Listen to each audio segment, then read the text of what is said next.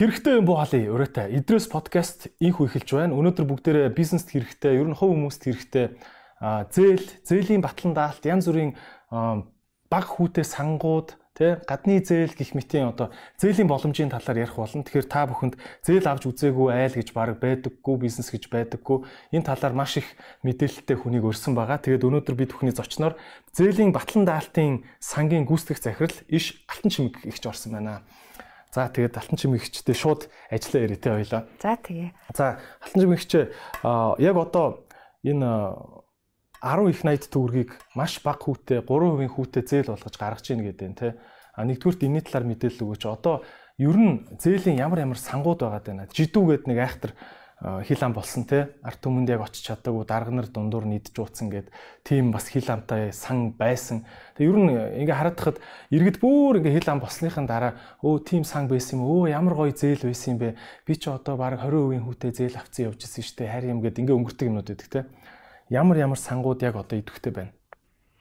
За зээлийн батлан даалтын сангийнхаа талаар ярих нь зөв бах. Өнөөдрийн А манай зээлийн батлан талтын сан бол анх 2012 онд үүсгэн байгуулагдсан.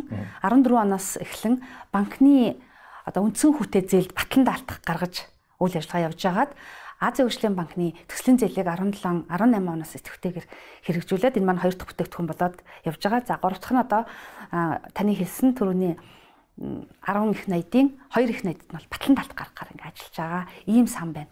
За манай сангийн хувьд бол засгийн газрын оролцоотой сан. А гэхдээ тусгай сан бол биш.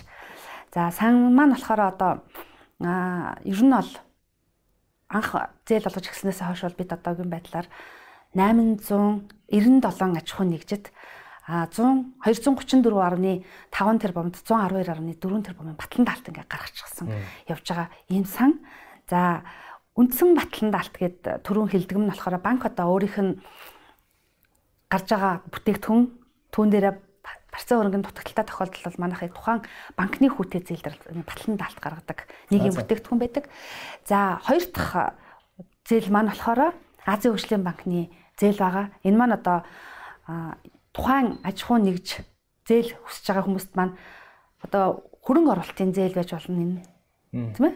объект худалдаж авах гад эсвэл өөртөө үйлдвэрийн барилгаа барих гад явж байгаа тохиолдолд а энд энд ирсэн завшааны тохиолдолд ямар ч хэлсэн эдрээгээ мэдээлэлээр хангах хэрэгтэй гэж бодож манай Батлан даалтын сангийн харилцуулга харилцуулга тохимолуудыг ингээ авчирлаа. За тэгээ энэ дээр бол яг ямар ямар аж ахуй нэгж байдаг байх нь энийг та бас ингээд эндээс хараад ярилцлага өргөжлүүлж болно. Тий ийм харилцуулгыг ингээ өгөө. Хэмжээнд бас жоохон судалсан. Судалсан уу? За Тий. А гэтээ хоёлаа нөгөө бас ямар ч ойлголтгүй хүмүүст мэдээлэл өгч байгаа учраас би танаас ер нь нэлээд элементарны юмнуудаас нэхлээ асуу гэж бодож байгаа. За баярлалаа. А тэгэд за зээлийн батлан даалтын сан гэдэг ингэж байгаа тий. Энэ энэ одоо юу юм бэ? Сангийн яамны одоо нэг юм харьяа байгууллага юм уу тий? Яаж үүссэн?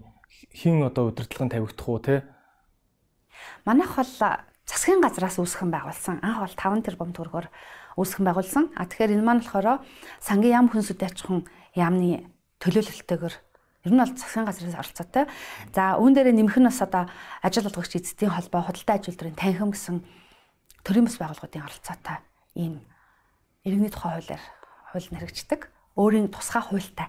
Өөцөө. Тийм. Зээлийн батлан талтын сангийн тухай хууль гэж хууль байдаг. За энэ хуулийн хүрээнд бол манайх одоо аа санхүү банкны байгууллагын гаргасан шийдвэр дээр үндэслэн батлан талт гаргадаг.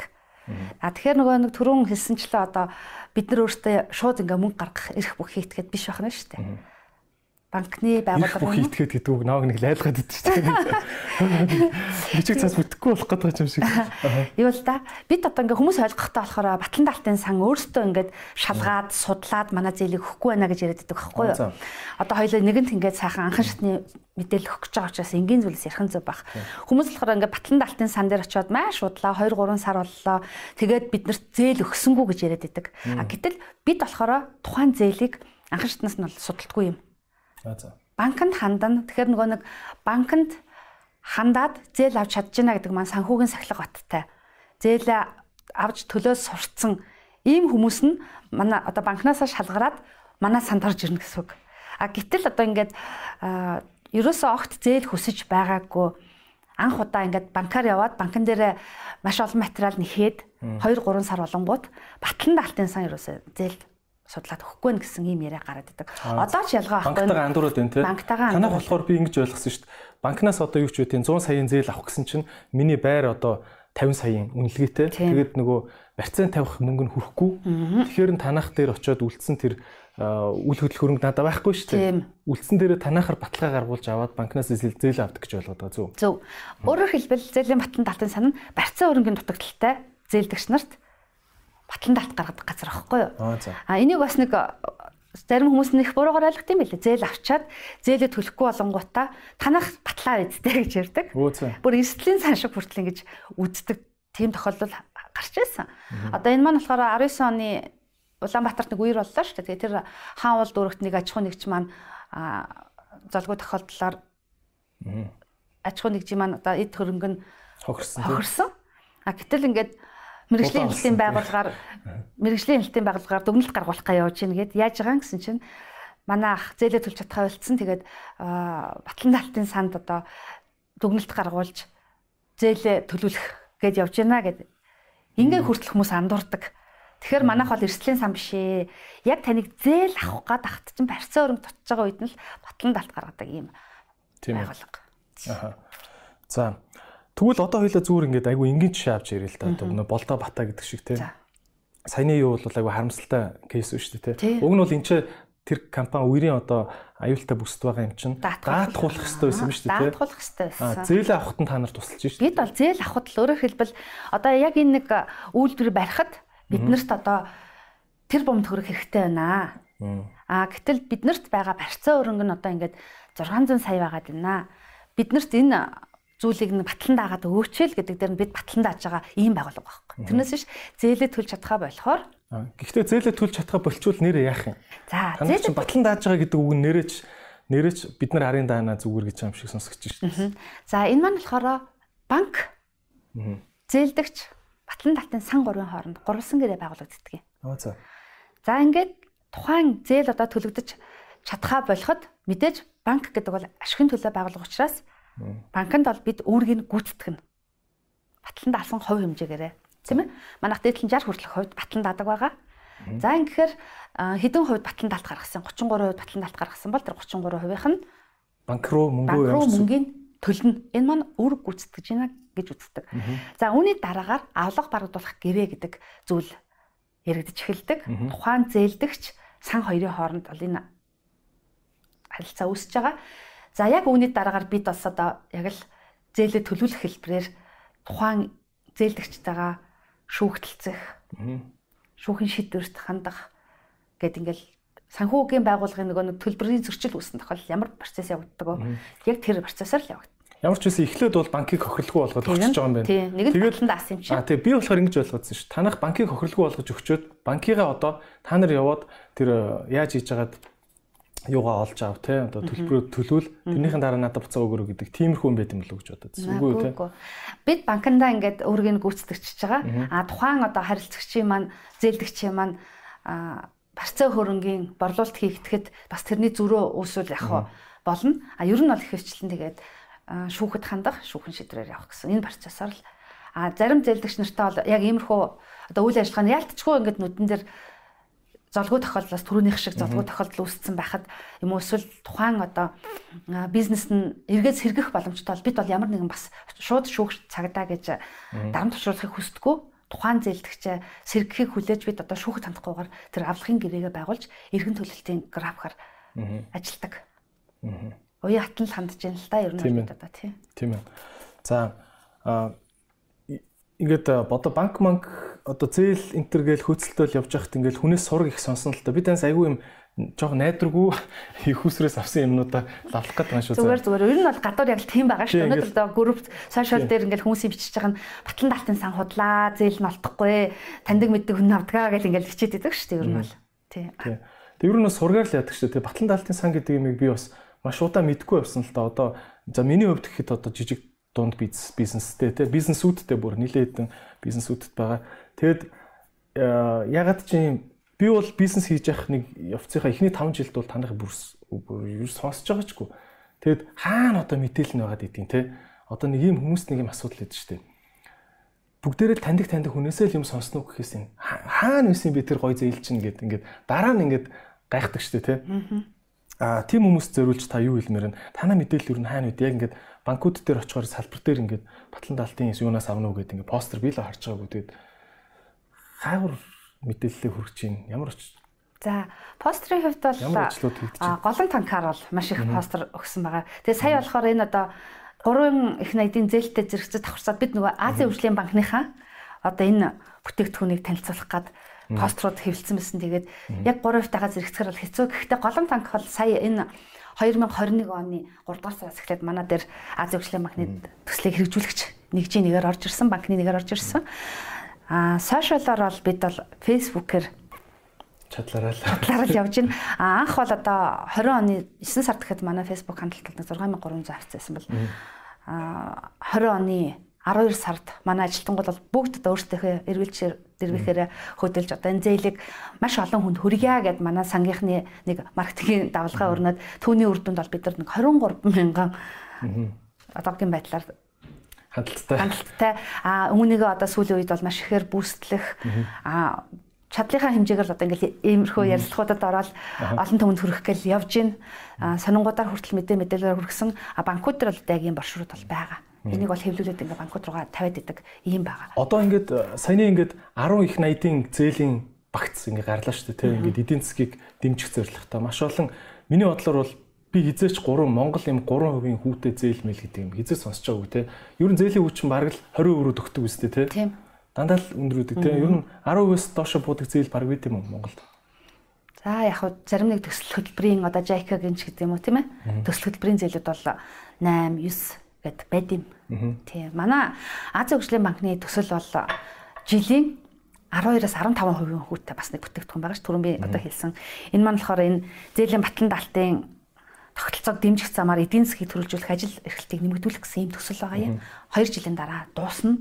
А бид бол одоо энэ зэлээ бол олон хүнд хүргэж олон аж ахуй нэгжүүд маань өөрийн гэсэн байртай, өөрийн гэсэн тоног төхөөрөмжтэй болоосоо гэж зорж байгаа. А түрүүчийн маань одоо ажил үйлс амжилттай яваа харилцагч зээлдэгчнийхээ материалыг бол тохимол олгоод танд өгсөн. Тэндээс ингээ харахад бол манай бас л үндэсний үйлдвэрлэгч сайхан сайхан бүтээгдэхүүн хийж байгаа компаниуд маань хамрагдсан байдгийг хамартай явж болоод байна тий. Аа тэгтээ одоо ингээд за саяны ингээд одоо бол яг одоо ингээд ерөнхий сайттай миний хувьд хэдэн 7 хоногийн өмнө чинь ярьслах хийсэн л дээ тэр үед хэлчихсэн энэ 10 их 80-ийн зээлний нэг 32% ч илүү ингээд яг амжилттай олгогдоод явцсан байна гэдэг чижсэн тий.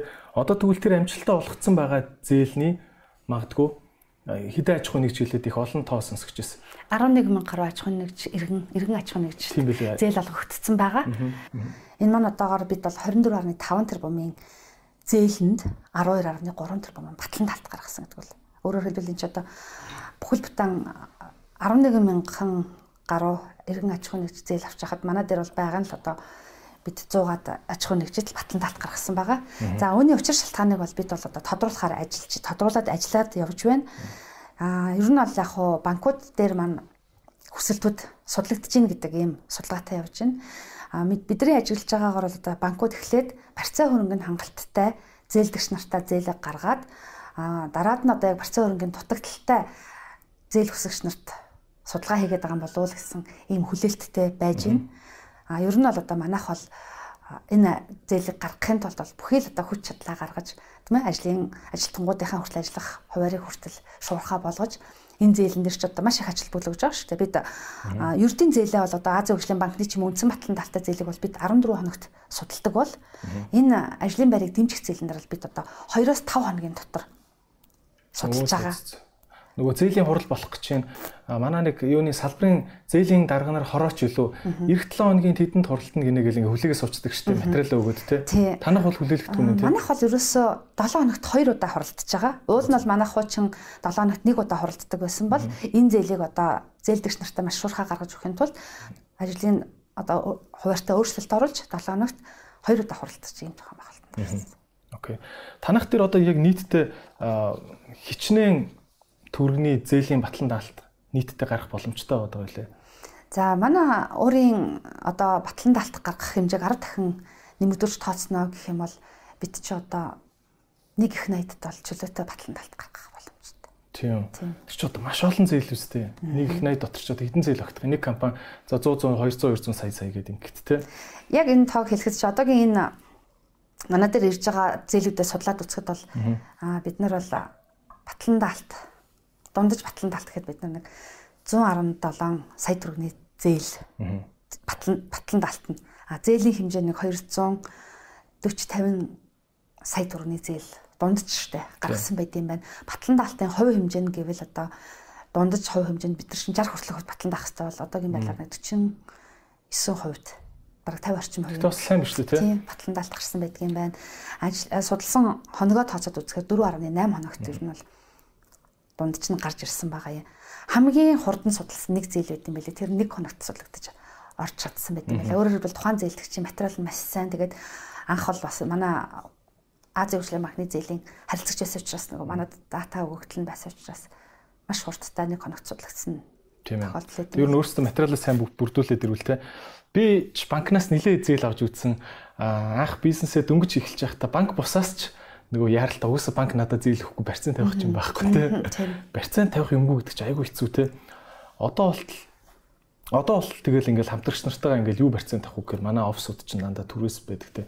Тэнгүүт байрнуудаа нийлүүлнэ. Тэнгүүд байрны үннээс чинь зах зээл дээр байгаа үннээс нь хамаагүй багаар банк тооцож яад юм л шүү дээ. 60-70%.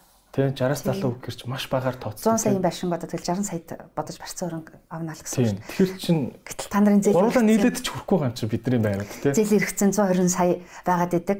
Авч тэрийг хийчихвэл одоо бизнес өргөчих гээд идэг. Яг энэ тохиолдол манайх одоо батлан дааж байгаа. Окей. А мөн одоо та бас ингээд офисгүй гэж ярьж штэ. А тэгвэл манайх ажлын байраа та бүхэн худалдаж авах зориулсан тэр Ази хөгжлийн банкны төслийн зарчим бол тийм зорилтойгоо та худалдаж авч байгаа объекта процент тавиад өөрсдийн ажлын байртаа болох юм боломж бас байна. Оо nice. Тэр тэр зүйлийг одоо за за би тэрнүү дараа орё. Эхлээд Батлан даалтын сангийнхаа асуултыг асуучих гэж бодод байна. За одоо ямар компаниуд танахаас танахаар ингэж батлан даалгах боломжтой байгаад байна. А бас хувь хүн болох уу? Тэ? Одоо зүгээр нэг түүцтэй ихчүүж болно шүү дээ, тийм үстэй. Эсвэл нэг годамжны үзүүрийн дэлгүүртээ нэг аймгийн төвийн нэг айл өгдөг та тийм болох уу? Эсвэл нэг жижигхэн бильярдны газартаа ах болох уу? За манайх 2020 оны 8 дугаар сар хүртэл бол ер нь бол иргэн орж ирдэг байсан. Аа тэгээд жижиг дундын үйлдвэрийн тухай хуулиар жижиг дунд үйлдвэр үйлчлэгээ эрхлэгч хинбэ гэдэг тодорхойлолтод өөрчлөлт орсон. Энэ маань болохоор нөгөө иргэн гэдэг нэр томьёо маань хасагдаад аж ахуй нэгж болсон. А үүнтэй холбоотойгоор бол манайх иргэдэд батлан талт гаргах боломжгүй болж хувирсан байгаа. Тийм. А үүн дээр би бас судалгаа хийж ер нь бол одоо яг хуваарь хөдөлмөр хэрхэлж байгаа иргэдэд батлан талт гаргах одоо ямар их цөм зохицуулт байж болох вэ гэдэг талаараас манайх судалгаа хийгээд явж байна. Урд нь бол манайх зэлийн батлан талтын сан маань иргэнд одоо ингээд үйлчлэгээ үзүүлэх боломжтой байсан бол ингээд хуулаараа хориглогдсон байгаа. Аа цаашид бол энийг бол бид судалж одоо ямар эрх зүйн зохицуулт хийж болох вэ гэдэг талаараа бол ингээд судалгаа хийгээ явж байгаа. За. Окей. За тэгэхээр аж ахуй нэгжүүд юм байна. Тэгвэл тэгвэл аж ахуй нэгж гэдэг нь болохоор зөв ХХК гэсэн тийм компани бол одоо тэр бильярд байна уу хүнсний төлхөр нь хамаагүй мэн те. Нээлттэй хүмүүс ойлгохтой ер нь бол зөвхөн үйлдвэрлэгч нар үйлдвэрийн газар орно гэж бодоод байдаг бол манай одоо зөнхлөх одоо зээлдэгч нар маань худалдаа үйлчлэгнийхэн байдаг. Аа. Ойлголоо. За одоо энэ нэг жидүү гэсэн тодорхойлолт байгаа даа штэ. Нэг юм жидүү гэсэн тодорхойлолт чинь бас юм хуйлтай болсон юм шүү те. Заавал энэ хуулийн дагуу тэгээд одоо энэ жишээ нь засгийн газрын 3% зээл гэдэг чинь те. Энэ чинь болохоор жидүүд зориулсан зээл зээл үстэй. Жижиг дунд үйлдвэр үйлчлэг эрхлэгч нарт тий. Тий. А гэхдээ яг нөгөө жидүүгийн сан гэдээ бас тусдаа сан. Тэр сан нэр одоо байдаг хэвээр юу хил амд ородсон. Жижиг дундын үйлдвэрийн газар гэдэг агентлаг болсон байгаа. Оо за. Хүнсүд аж ахуйн яамны дэрэгдэх агентлаг. Үйл ажиллагаа явуулж байна. За тэгээд энэ тодорхойлтон дээр бол одоо хориглох заалтууд бол байдаг. Аа энэ маань нөгөө архины үйлдвэрлэл байдаг юм уу? Эсвэл одоо ингээд тусгай зөвшөөрлөлттэй. Тусгай зөвшөөрөл гэдэг нь одоо нөгөө манай Ази хөгжлийн банкны тавьж байгаа шаардлагын эсрэг одоо химийн үйлдвэрлэл эдэр гэсэн ийм тусгай зөвшөөрлөд ашигладаг аж ахуй нэгжид бол жижиг дунд үйлдвэрлэл эрхлэгчийн тодорхойлолтод орох боломж бол байдаггүй. А мөн худалдааны зууч гэдэг юм уу тийм ээ? Нэг хит хитэн хориглох заалт ламбард гэдэг юм хит хитэн хориглох заалт бол байдаг. А үүнийг бол та бүхэн яг сонирхвол жижиг дундын үйлдвэрийн газраас бол мэдээлэл авах боломжтой. Тий. Тэгвэл жижиг дунд үйлдвэрлэлийн газрын тэр э, баримталж байгаа тодорхойлолтыг танаас санг яг хүлээн зөвшөөрдөг юм шүү дээ. Нийтээрээ. Тэгдэг. Өөрөөр хэлбэл бид одоо энэ 3% дээр бол харин аж ахуй нэгжид бол явуулахгүй байгаа шүү дээ. Аж ахуй нэгжийн маань одоо зээл нь ингээд батлагдаад ороод ирэхэд манайх дотоод сүлжээгээрээ жижиг дундын үйлдвэрийн газраас энэ тухайн аж ахуй нэгжийн тодорхойлтыг авчирдаг. А хэрвээ зөрчилтэй юм уу? Одоо тухайн аж ахуй нэгжид маань худалдааны зуршлал гэж байх ч юм уу? а тэр тусгай зөвшөөрөл химийн бодис ашиглах тусгай зөвшөөрлж явах юм те ийм зүйлтэй аж ахуй нэгж байх юм бол бид нэр тухайн аж ахуй нэгжийг харин энэ заалтуудаа асуусан тохиолдолд бол таны зээл гарах боломжтой гэдэг мэдээлэлээр хангаж үржилж байгаа. Тийм ээ. За хоёулаа зүгээр нэг юм гоё кейс бодоо ирээ заяа. За. За одоо ийм бизнес байлаа. За би нэг найзахын бизнесийг зүгээр бодчихъя заяа. За жижигхэн юм ресторантай хажуу талд нь ингээд рестораныхаа хоолыг гаргахаас гадна хажуу талдаа текэн дотроо юм бэлэн аваад явдаг хоол, жижигхэн кейк, мейк юм юм гаргадаг те. Юм жоохон худалдаа үйлчлэгийг ингээ хавсарсан ийм нэг жижигхэн ресторан байлаа гэж бодъё л доо. Тэ одоо нэг бейкери, мейкери ингээ гаргадаг те. За энэ байгууллага яг одоо нойлоосоо заяа. За өмнө нь бол яг нэг ингээ хоёлоо бодчих нэг хаан банкн дээр ч юм уу эсвэл энэ голомт банкн дээр ч юм уу нэг юм 70 саяын зээл аваад амжилттай төлцсөн нэг юм жижигхэн түүхтэй зээлийн түүхтэй.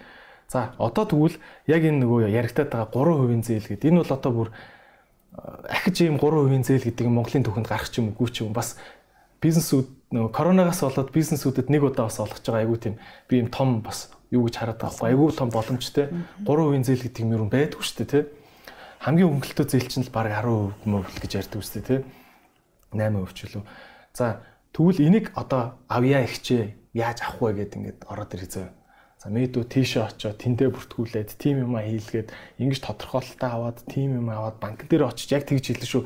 Наад банкн дээр чи ингээ буруу ойлголцоод ингээ юу удаагаад буцаагаад идэв шүү. Гэт ингээ та бүр нэг юм ихчийн зөвлөгөө өгөөч юм дээр те.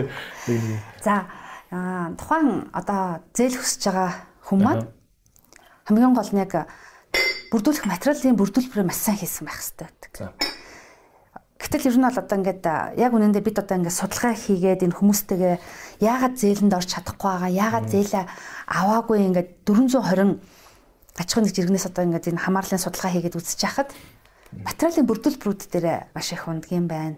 Өөртөөс нь хамаарладаг, тийм ээ? Жишээ нь одоо ямар материал бүрдүүлэх гэж байгаа юм жишээд байна. Яг хамгийн гол юм чинь нөгөө тухайн орлогоо нотлох гэж нэг юм байна шүү. Аа за. Гэтэл ингээд аа манайхан чинь бас санхүүгийн сахилга бат суугаагүй байна. Өөрөөр хэлбэл энэ зөвхөн гар ноорог хар дэвтэр дээр ингээд орлогоо бүртгэж явдаг. Кассанда бэлэн мөнгөөр хий явуулаад байдаг. Кассанда бэлэн мөнгөөр нь явуулаад байдаг. Нөгөө дансаар одоо ингэж оруулж гаргахгүй байна. Тийм ээ. А яг хөө бид бол одоо мэдээж аль болох хүртээмжтэй хүрэх гээл аль болохын хүмүүстэй л нөхчих гээл ингээл үзээд байдаг. Гэтэл яг өөртөөс нь хамааралтай бичгээр нь тийм дутагдaltaй тохиолдол банкч тэр манай батлан талтын санч тэр зээл гаргах боломжгүй. Тэгэнгүүтэл өөртөө энэ зээл чинь худлаа юм байна. Хатуу хамаатан сатангаар олдд юм байна л гэдэг. Гэтэл өнөөдөр чи авцсан байгаа хүмүүс маш их байна шүү дээ. Тийм ээ. Авцсан байгаа хүн болгон одоо манай сангийн хин нэгний хамаатан юм уу эсвэл банкны хин нэгний хамаатан биш шүү дээ. Энэ чинь яг өөрсдийнхөө бор зүрхээр ингээд а ер нь бол одоо манай монголчууд бол энэ 30 жилийн хугацаанд ингээд бизнес хийгээд энэ олон жил ингээд болж байхад бол одоо энэ санхүүгийн сахилгатай болох цаг нь ирчихжээ. Орлогоо ил тод гаргах ёстой юм байна дансандаа үлддэг түүхтэй. Тийм дансандаа за тэгээд хинэггүй зангаа болж одоо нөгөө муу зээлийн түүхүүд маш ихээр өсөж орж ирдэг. Хэвэн бус. Найдваргүй. Ингээд яг энэ маань одоо тухайн зээлдэгчд маань дараа дараагийнхаа зээл төсөл хөтөлбөрт хамрагдахад тэг болж идэг. Тийм учраас ер нь бол одоо ингээд зээлээ цаг хугацаанд төлдөг. Ийм байвал бас их боломжтой юм байна. Би бол одоо ер нь бол хүмүүс орж ирэхээр хамгийн түрүүнд хэлдэг юм нь муу зээлийн түүхгүй байх хэвээр. За тэгээд санхүүгийн одоо тооцоолбор энэ орлогч нь нотлогдох байх хэвээр. За ингээд банкн дээрээ сайхан явж очиод юмаа үзүүлээд явхад бол манай сан нээлттэй гэж. Манай сан дээр бол өөр нь хүмүүс ирж их зөвлөгөө авдаг шүү. Нэр хаана очиж зөвлөгөө авт юм бэ? Манай байгууллага бол одоо энэ Сүхбаатар дүүргийн 1-р хороо инх тавны гүрний баруун хотолд гэрээгээ тавар гэж байгаа. Үүний 6 давхурт зээлийн батлан талт. Хар өнгөтэй 15 давхар биш байгаа. Тэрний 6 давхурт манайх байрлаж байна. Аа за за за. Окей, тэн дээр чинь шууд ингээл очиод яа тийм мэдээлэл өгцгийг мэг гэдэг байж байгаа. Угаасаа тэнд манайх өгтөгч үе мэдээллийн ажилт ингээд байгаа. Оо за. Аа тэгээд очиход бол бүх хүмүүстэй одоо ийм Гарын авлагууд. Гарын авлагууд одоо энэ Азийн хөгжлийн банкных наачин байгаа 3% зээлний гэдэг энэ танилцуулга брошюруудыг бол ингээ бэлэн байгаа. А яг энэ манай мэрэгжилтэнгүүдтэй уулзаж бүр нарийн зөвлөгөө авнаа гэхэд бол бид нар бол уулзалтын өрөөндөө бол тухайн хүндээ сайхан зөвлөгөө өгöd гаргадаг. А ганцхан юм л хүмүүс маш сайн ойлгох хэрэгтэй. Батлан даалтын сан эхэлж судалдаггүй маа. Банкаа давж орж ирсний дараагаар буюу банкнд таны зээл судлагдаад банк нь энэ зээлийг олгоё батлан даалтын тэдэн хувьтай олгоё гэдэг шийдвэр гарсны дараагаар манай дээр зээлтэн судлагддаг байгаа. А гэтэл хүмүүс маань болохоор одоо ингээд банкнд судалж судалж судалж байгаад 2 3 сар болсноо танд энэ зээлийг олохгүй гэж буцаачингууд зээлийн батлан даалтын сан манайхыг буцаачлаа гэж яриад байдаг. Тэгээд нэр усаар нь бид нар хайгаад одоо ингээд тэр чинь бид нар одоо ингээд Facebook дээр түрүүн хэлсэн шүү дээ мэдээлэл тавьдаг гэд мэдээлэл тавингууд аа худлаа эдийн засгийн зээл гардггүй ингээл тэгэнгүүт чинь манай холбогдох мэрэгчлэнгүүд би өөрөө өөртөө холбогддог. Уушлаарай ямар нэртэй компани бэ? Хизээ материал өгöd ороогүй вэ? Тэгээ тухайн хүнээс ингээд аж ахуйн нэгжийн нэрийг аваад манайх мэдээллийн сангаар шалгах гэдэг бол манад огч ирээ огт орж ирээгүй байдаг. Танаа мэдээллийн сангаар орж ирнэ гэдэг нь одоо юу гэсэн үг юм? Нэг юм банктай холбогддог юм юу гэдэг юм уу те? Өөрөөр хэлбэл одоо тухайлбал бат гэдэг компани байлаа те. За тийм. Аа хам банкн дээр очлоо. За. Би Азийн хөгжлийн банкны одоо ийм төслийн зээлэнд орё гэхэд анхан шатны хүсэлт буюу зээл судлах зөвшөөрлийг зээлийн батлан даалтын сангаас авдгийн. Тэрийг бол манайх өдөрт нь хариу өгдөг. Одоо 21 оны өнөөдөр 5 сарын 24-ний өдөр тийм ээ. Тэгвэл манай дээр яг тэр өглөө манад мэйлэр хаан банкнаас нь тэр хүсэлт ороод ирэхэд бид зөрчил байна уугүй юу? Тэр нь болохоор нөгөө юу вэ гэхээр манай энэ Азийн хөгжлийн банкны төсөл чинь санхүүжүүлэхийг хориглосон үйл ажиллагааны чагсаалт гэж яддаг. Энэ маань барилга дэд бүтэц А согтууруулах нь дарих тамхины үйлдвэрлэл худалдаа. За уул уурхай ашигтан малтан малтын зам тээвэр байгаль орчинд сөрөг муу нөлөө үзүүлэх зүйлс. За санхүүгийн үйл ажиллагаа буюу ламбард суглаа тансаг хэрэглээний импорт томоохон аж ахуйн охин компани мөн бишийг нь манах тэр өдөртөө шууд нөгөө гэрчлэгэн дээрээс нь харж үзэл. Тэгээ боломжтой бол зээл судлахыг зөвшөөрлөө гэдэг юм зөвшөөрөл гардаг юм. За энэ цагаас эхлээ банк маань өөрөө тухайн зээлдэгчийн маань бүрдүүлбэрүүдийг авч одоо бүрдүүлэх материалын жагсаалтаар нь шалгадаг байгаа. Манайх ерөөсө банкн дээрээс нэмэлтээр бол шалгадаг юмнууд нь зээлийн түүх нь хэр зэрэг нөгөө одоо өөр зээл байла тэр зээлүүд нь хэвийн байна уу хэвийн бос байна уу манай одоо хэвийн бос юм бол манай авахгүй гэсэн үг байна. За тэгээд дээрэс нь барьцаа өрөнгө нь үнэхээр дутагдaltaй юм уу? Хүмүүс болохоор зүгээр нөгөө нэг 60% батлан даалгаад 12% хүүнд нь олоод орж ирдэг. Орж ирэхдээ барьцаа өрөнгө дутагдaltaйг ороод ирдэг. Гэтэл тухайн зээлдэгчийн одоо өөрийнх нь болон эхнэрийнх нь ч юм уу тийм ээ тухайн компанийн байж л байдаг. Зөндөө хөрөнгө байдаг. Энэ тохиолдолд манайх батлан даахгүй гэхээр л танаас сан худлаа л гэдэг. А ер нь бол энэ батлан даалтын сангаар дамжиж одоо зээл авахын тулд яг л барьцаа өрнгийн дутагдaltaй тохиолдол орж ирэх ёстой. Тэгэхээр та нар яа шууд улсын бүртгэлтэй дотоороо системээр холбогдоод энэ хүнд цаана машин байна уу, байр байна уу, ашаа байна уу бүгдийг шалгачт юм уу? Өөрөөр хэлбэл а хур гэд мэдээллийн систем байдаг шүү дээ. Тий. Энэ тэрийг би бас ойлгохгүй шүү дээ. Яг юу юм бэ тэр? Хур гэдэг мэдээллийн систем маань болохоор одоо Монгол улсад байгаа иргэн миний регистрийн дугаараар үцхэд миний нэр дээр байгаа одоо тэр байр, сав юу гэдэг зээл хамаатан бүх юм одоо бүх юм чинь мэдээллийн сандраа нэвтрэх ирэх байхгүй юу? Төрийн байгууллагуудын явуулдаг. Төрийн байгууллагуудын ингээд дундаа мэдээллүүдэд хуваалцдаг юм систем юм уу те? Тий. Тэрнээс шууд ингээд нөгөө дахин дахин хүнийг одоо чирэгдүүлэхгүй л гэж хийгдэж байгаа л зүйл шүү дээ. Тийм ээ? Тийм ээ. Гэрлэлтийн байдлаа, гэр орных нь хаяг, паспортын регистрийн дугаараар тэр бүх мэдээлэлд нь. Одоо бол та намайг би танд регистр өгвөл та намайг одоо гэр бүлнийх нь хүмүүс нь ямар ямар хөрөнгөтэй бүгдийг гаргаад ирнэ гэсэн үг тийм мэдчихнэ гэсэн үг. Байгууллагын албан журмын хэрэгцээнд бол гарна л да. Гэхдээ надад бол тэр эрх нь байдгүй. Энэ эрх нь бол яг тусдаа манай яг энэ үүнийг гаргадаг мэрэгчлэлтэн байдаг. Тийм. Тэгээ тэр мэрэгчлэлт нь хурлаар орж ирэх нь шүү дээ. Өө наад эдгээр бод чи хоёр байртай юм биш үү? Тэгээ юм барьцсан өрөнгө дутаад байна гэж орж ирээд байгаа юм гэдэг. Окей. Аа түрүүн ярьжсэн та тэр нэг 12% зээл гэдэг юм дурдчихлаа л да тий. Би болохоор яг нөгөө ягаад танаас санг ингэж амир сонирхож энэ мэдээлэл одоо хүрэх шаардлагатай мэн гэж бодсон бэ гэхээр яг одоо нөгөө энэ 3% зээл гэдэг маш тийм гоё бизнесүүдэд боломжтой ийм том зээлийн одоо боломжууд бүх банкуд дээр харчаад байгаа шүү дээ тий. Гэтэл тэр зээлийг ингээ авах гээ очингууд нөгөө банкуд нь өө барьцаа өрөнгөч өрөхгүй чи заавал 10 байртай байж ич нэг байрны зээл авах хэрэгтэй буханы ингээд нэг тийм Facebook дээр тийм онгой явуулсан шүү дээ нөгөө байртай байхын тулд биш байрны зээл авахын тулд хоёр байртай байхаас өөр аргагүй болчиход байна гэдэг шүү дээ. Тэ. Тэгэхээр яг нөгөө айгүй ингэж гой зовлон шийддэг байгууллага байна гэж бодоод их сонирхож мэдээлэл чи өргөмжсэн л та. Тийм. Тэгэд одоо зүгээр цаана 3% зээл ингээд дуусч штэ тэ олгогдоод. Тэгвэл танах хэдийн тогтмол үйл ажиллагаан дээр хэдийн тэр 12% зээл гэдэг тустай юм байд юм уу? Манайх ер нь бол түрүүн хэлсэн. Одоогоор 3 бүтээгдэхүүнтэй байна. Аа за. Нэг нь болохоор яг банкны их усуртай банкны хүүтэй зээл. Энэ маань бол байнгын явагдчих л байдаг. Ямар л банк нь ямар л хүүгээрээ зээл өгнө? Ямар хүүгээрээ зээл өгнө? Барцаа хөрөнгөнд дутагдaltaй байна. Энэ хүн батлан дээ. Манад бол нээлттэй байдаг. За энэ дотор бас давхар одоо JICA ч байдаг юм уу тийм ээ? А өөр төслийн зээлүүд бол яг л тэр өөрсдийнхөө тухайн төсөл нь одоо хэдэн хувиар батлагдчихж байгаа. Яг тэр төслийнхэн хүүгээр л орж ирдэг гэсэн үг. Тэгээ банкны их усуртайгаараа. За хоёр дахь нь болохоор одоо энэ дахиад хэлье. Азийн хөгжлийн банкны энэ зээлийн батлан талтны тогтолцоог дэмжих замаар эдийн засгийг төрөлжүүлэх, ажлын байр, ажил эрхлэлтийг нэмэгдүүлэх гэсэн төсөл байна. Одоо энэ маань 2 жил болоод ер нь аль дуусна. Би тэр Азийн хөгжлийн банк гэдэг үгийг амар их сонсдог сонсож өссөн л төө. Хар баг наснаас л Азийн хөгжлийн банк, Дэлхийн банк, Европын EDRB ч үлээ ингээд нэг банк. Энэ гурван банк л ингээд сонсогдоод идэв. Гэхдээ ингээд салбар нь байхгүй. Ажил нь хаанч байдیں۔ Тэгээ Азийн хөгжлийн банкны зээлийг одоо хэн ч авдیں۔ JICA-гийн төслийн юу л гэдгийг би ойлгохдоо нэг юм бүр юм сайн үйлсэн нэг юм имлэг барьж байгаа ч юм уу. Тийм л юм автын болов гэсэн нэг юм ойлго бүрхэг ойлголттой боддог байхгүй. Одоо чинь Азийн хөгжлийн банкыг төлөөлсөн хүн танаа офс дээр ингээд сууж ят юм уу? Эсвэл Манай тэр тэрийг би хаана очиж бүтээгээд төслийн нэгж гэж байгаа. За. Тий, манай дээр одоо энэ маань төсөл бизнес хөгжлийн газар гэдэг энэ газар манай Азийн хөгжлийн банктай байнга холбогдож тэдгээртээ одоо энэ манай явц ямар хуу байна, хэдий хэмжээний зээл нь гарч чинь, ямар аж ахуй нэгж ирж чинь. Тухайлбал одоо бид Азийн хөгжлийн банктай орой үед бол нэг хилцэл хийгээд явж байна. Энэ хилцэл маань манайх ч одоо жилийн 12-аас 15% хүүтэй штэ. Энэ маань батлан талтынхаа хувь хэмжээнээс хамаарат хүүн зөрүүтэй байдгийн.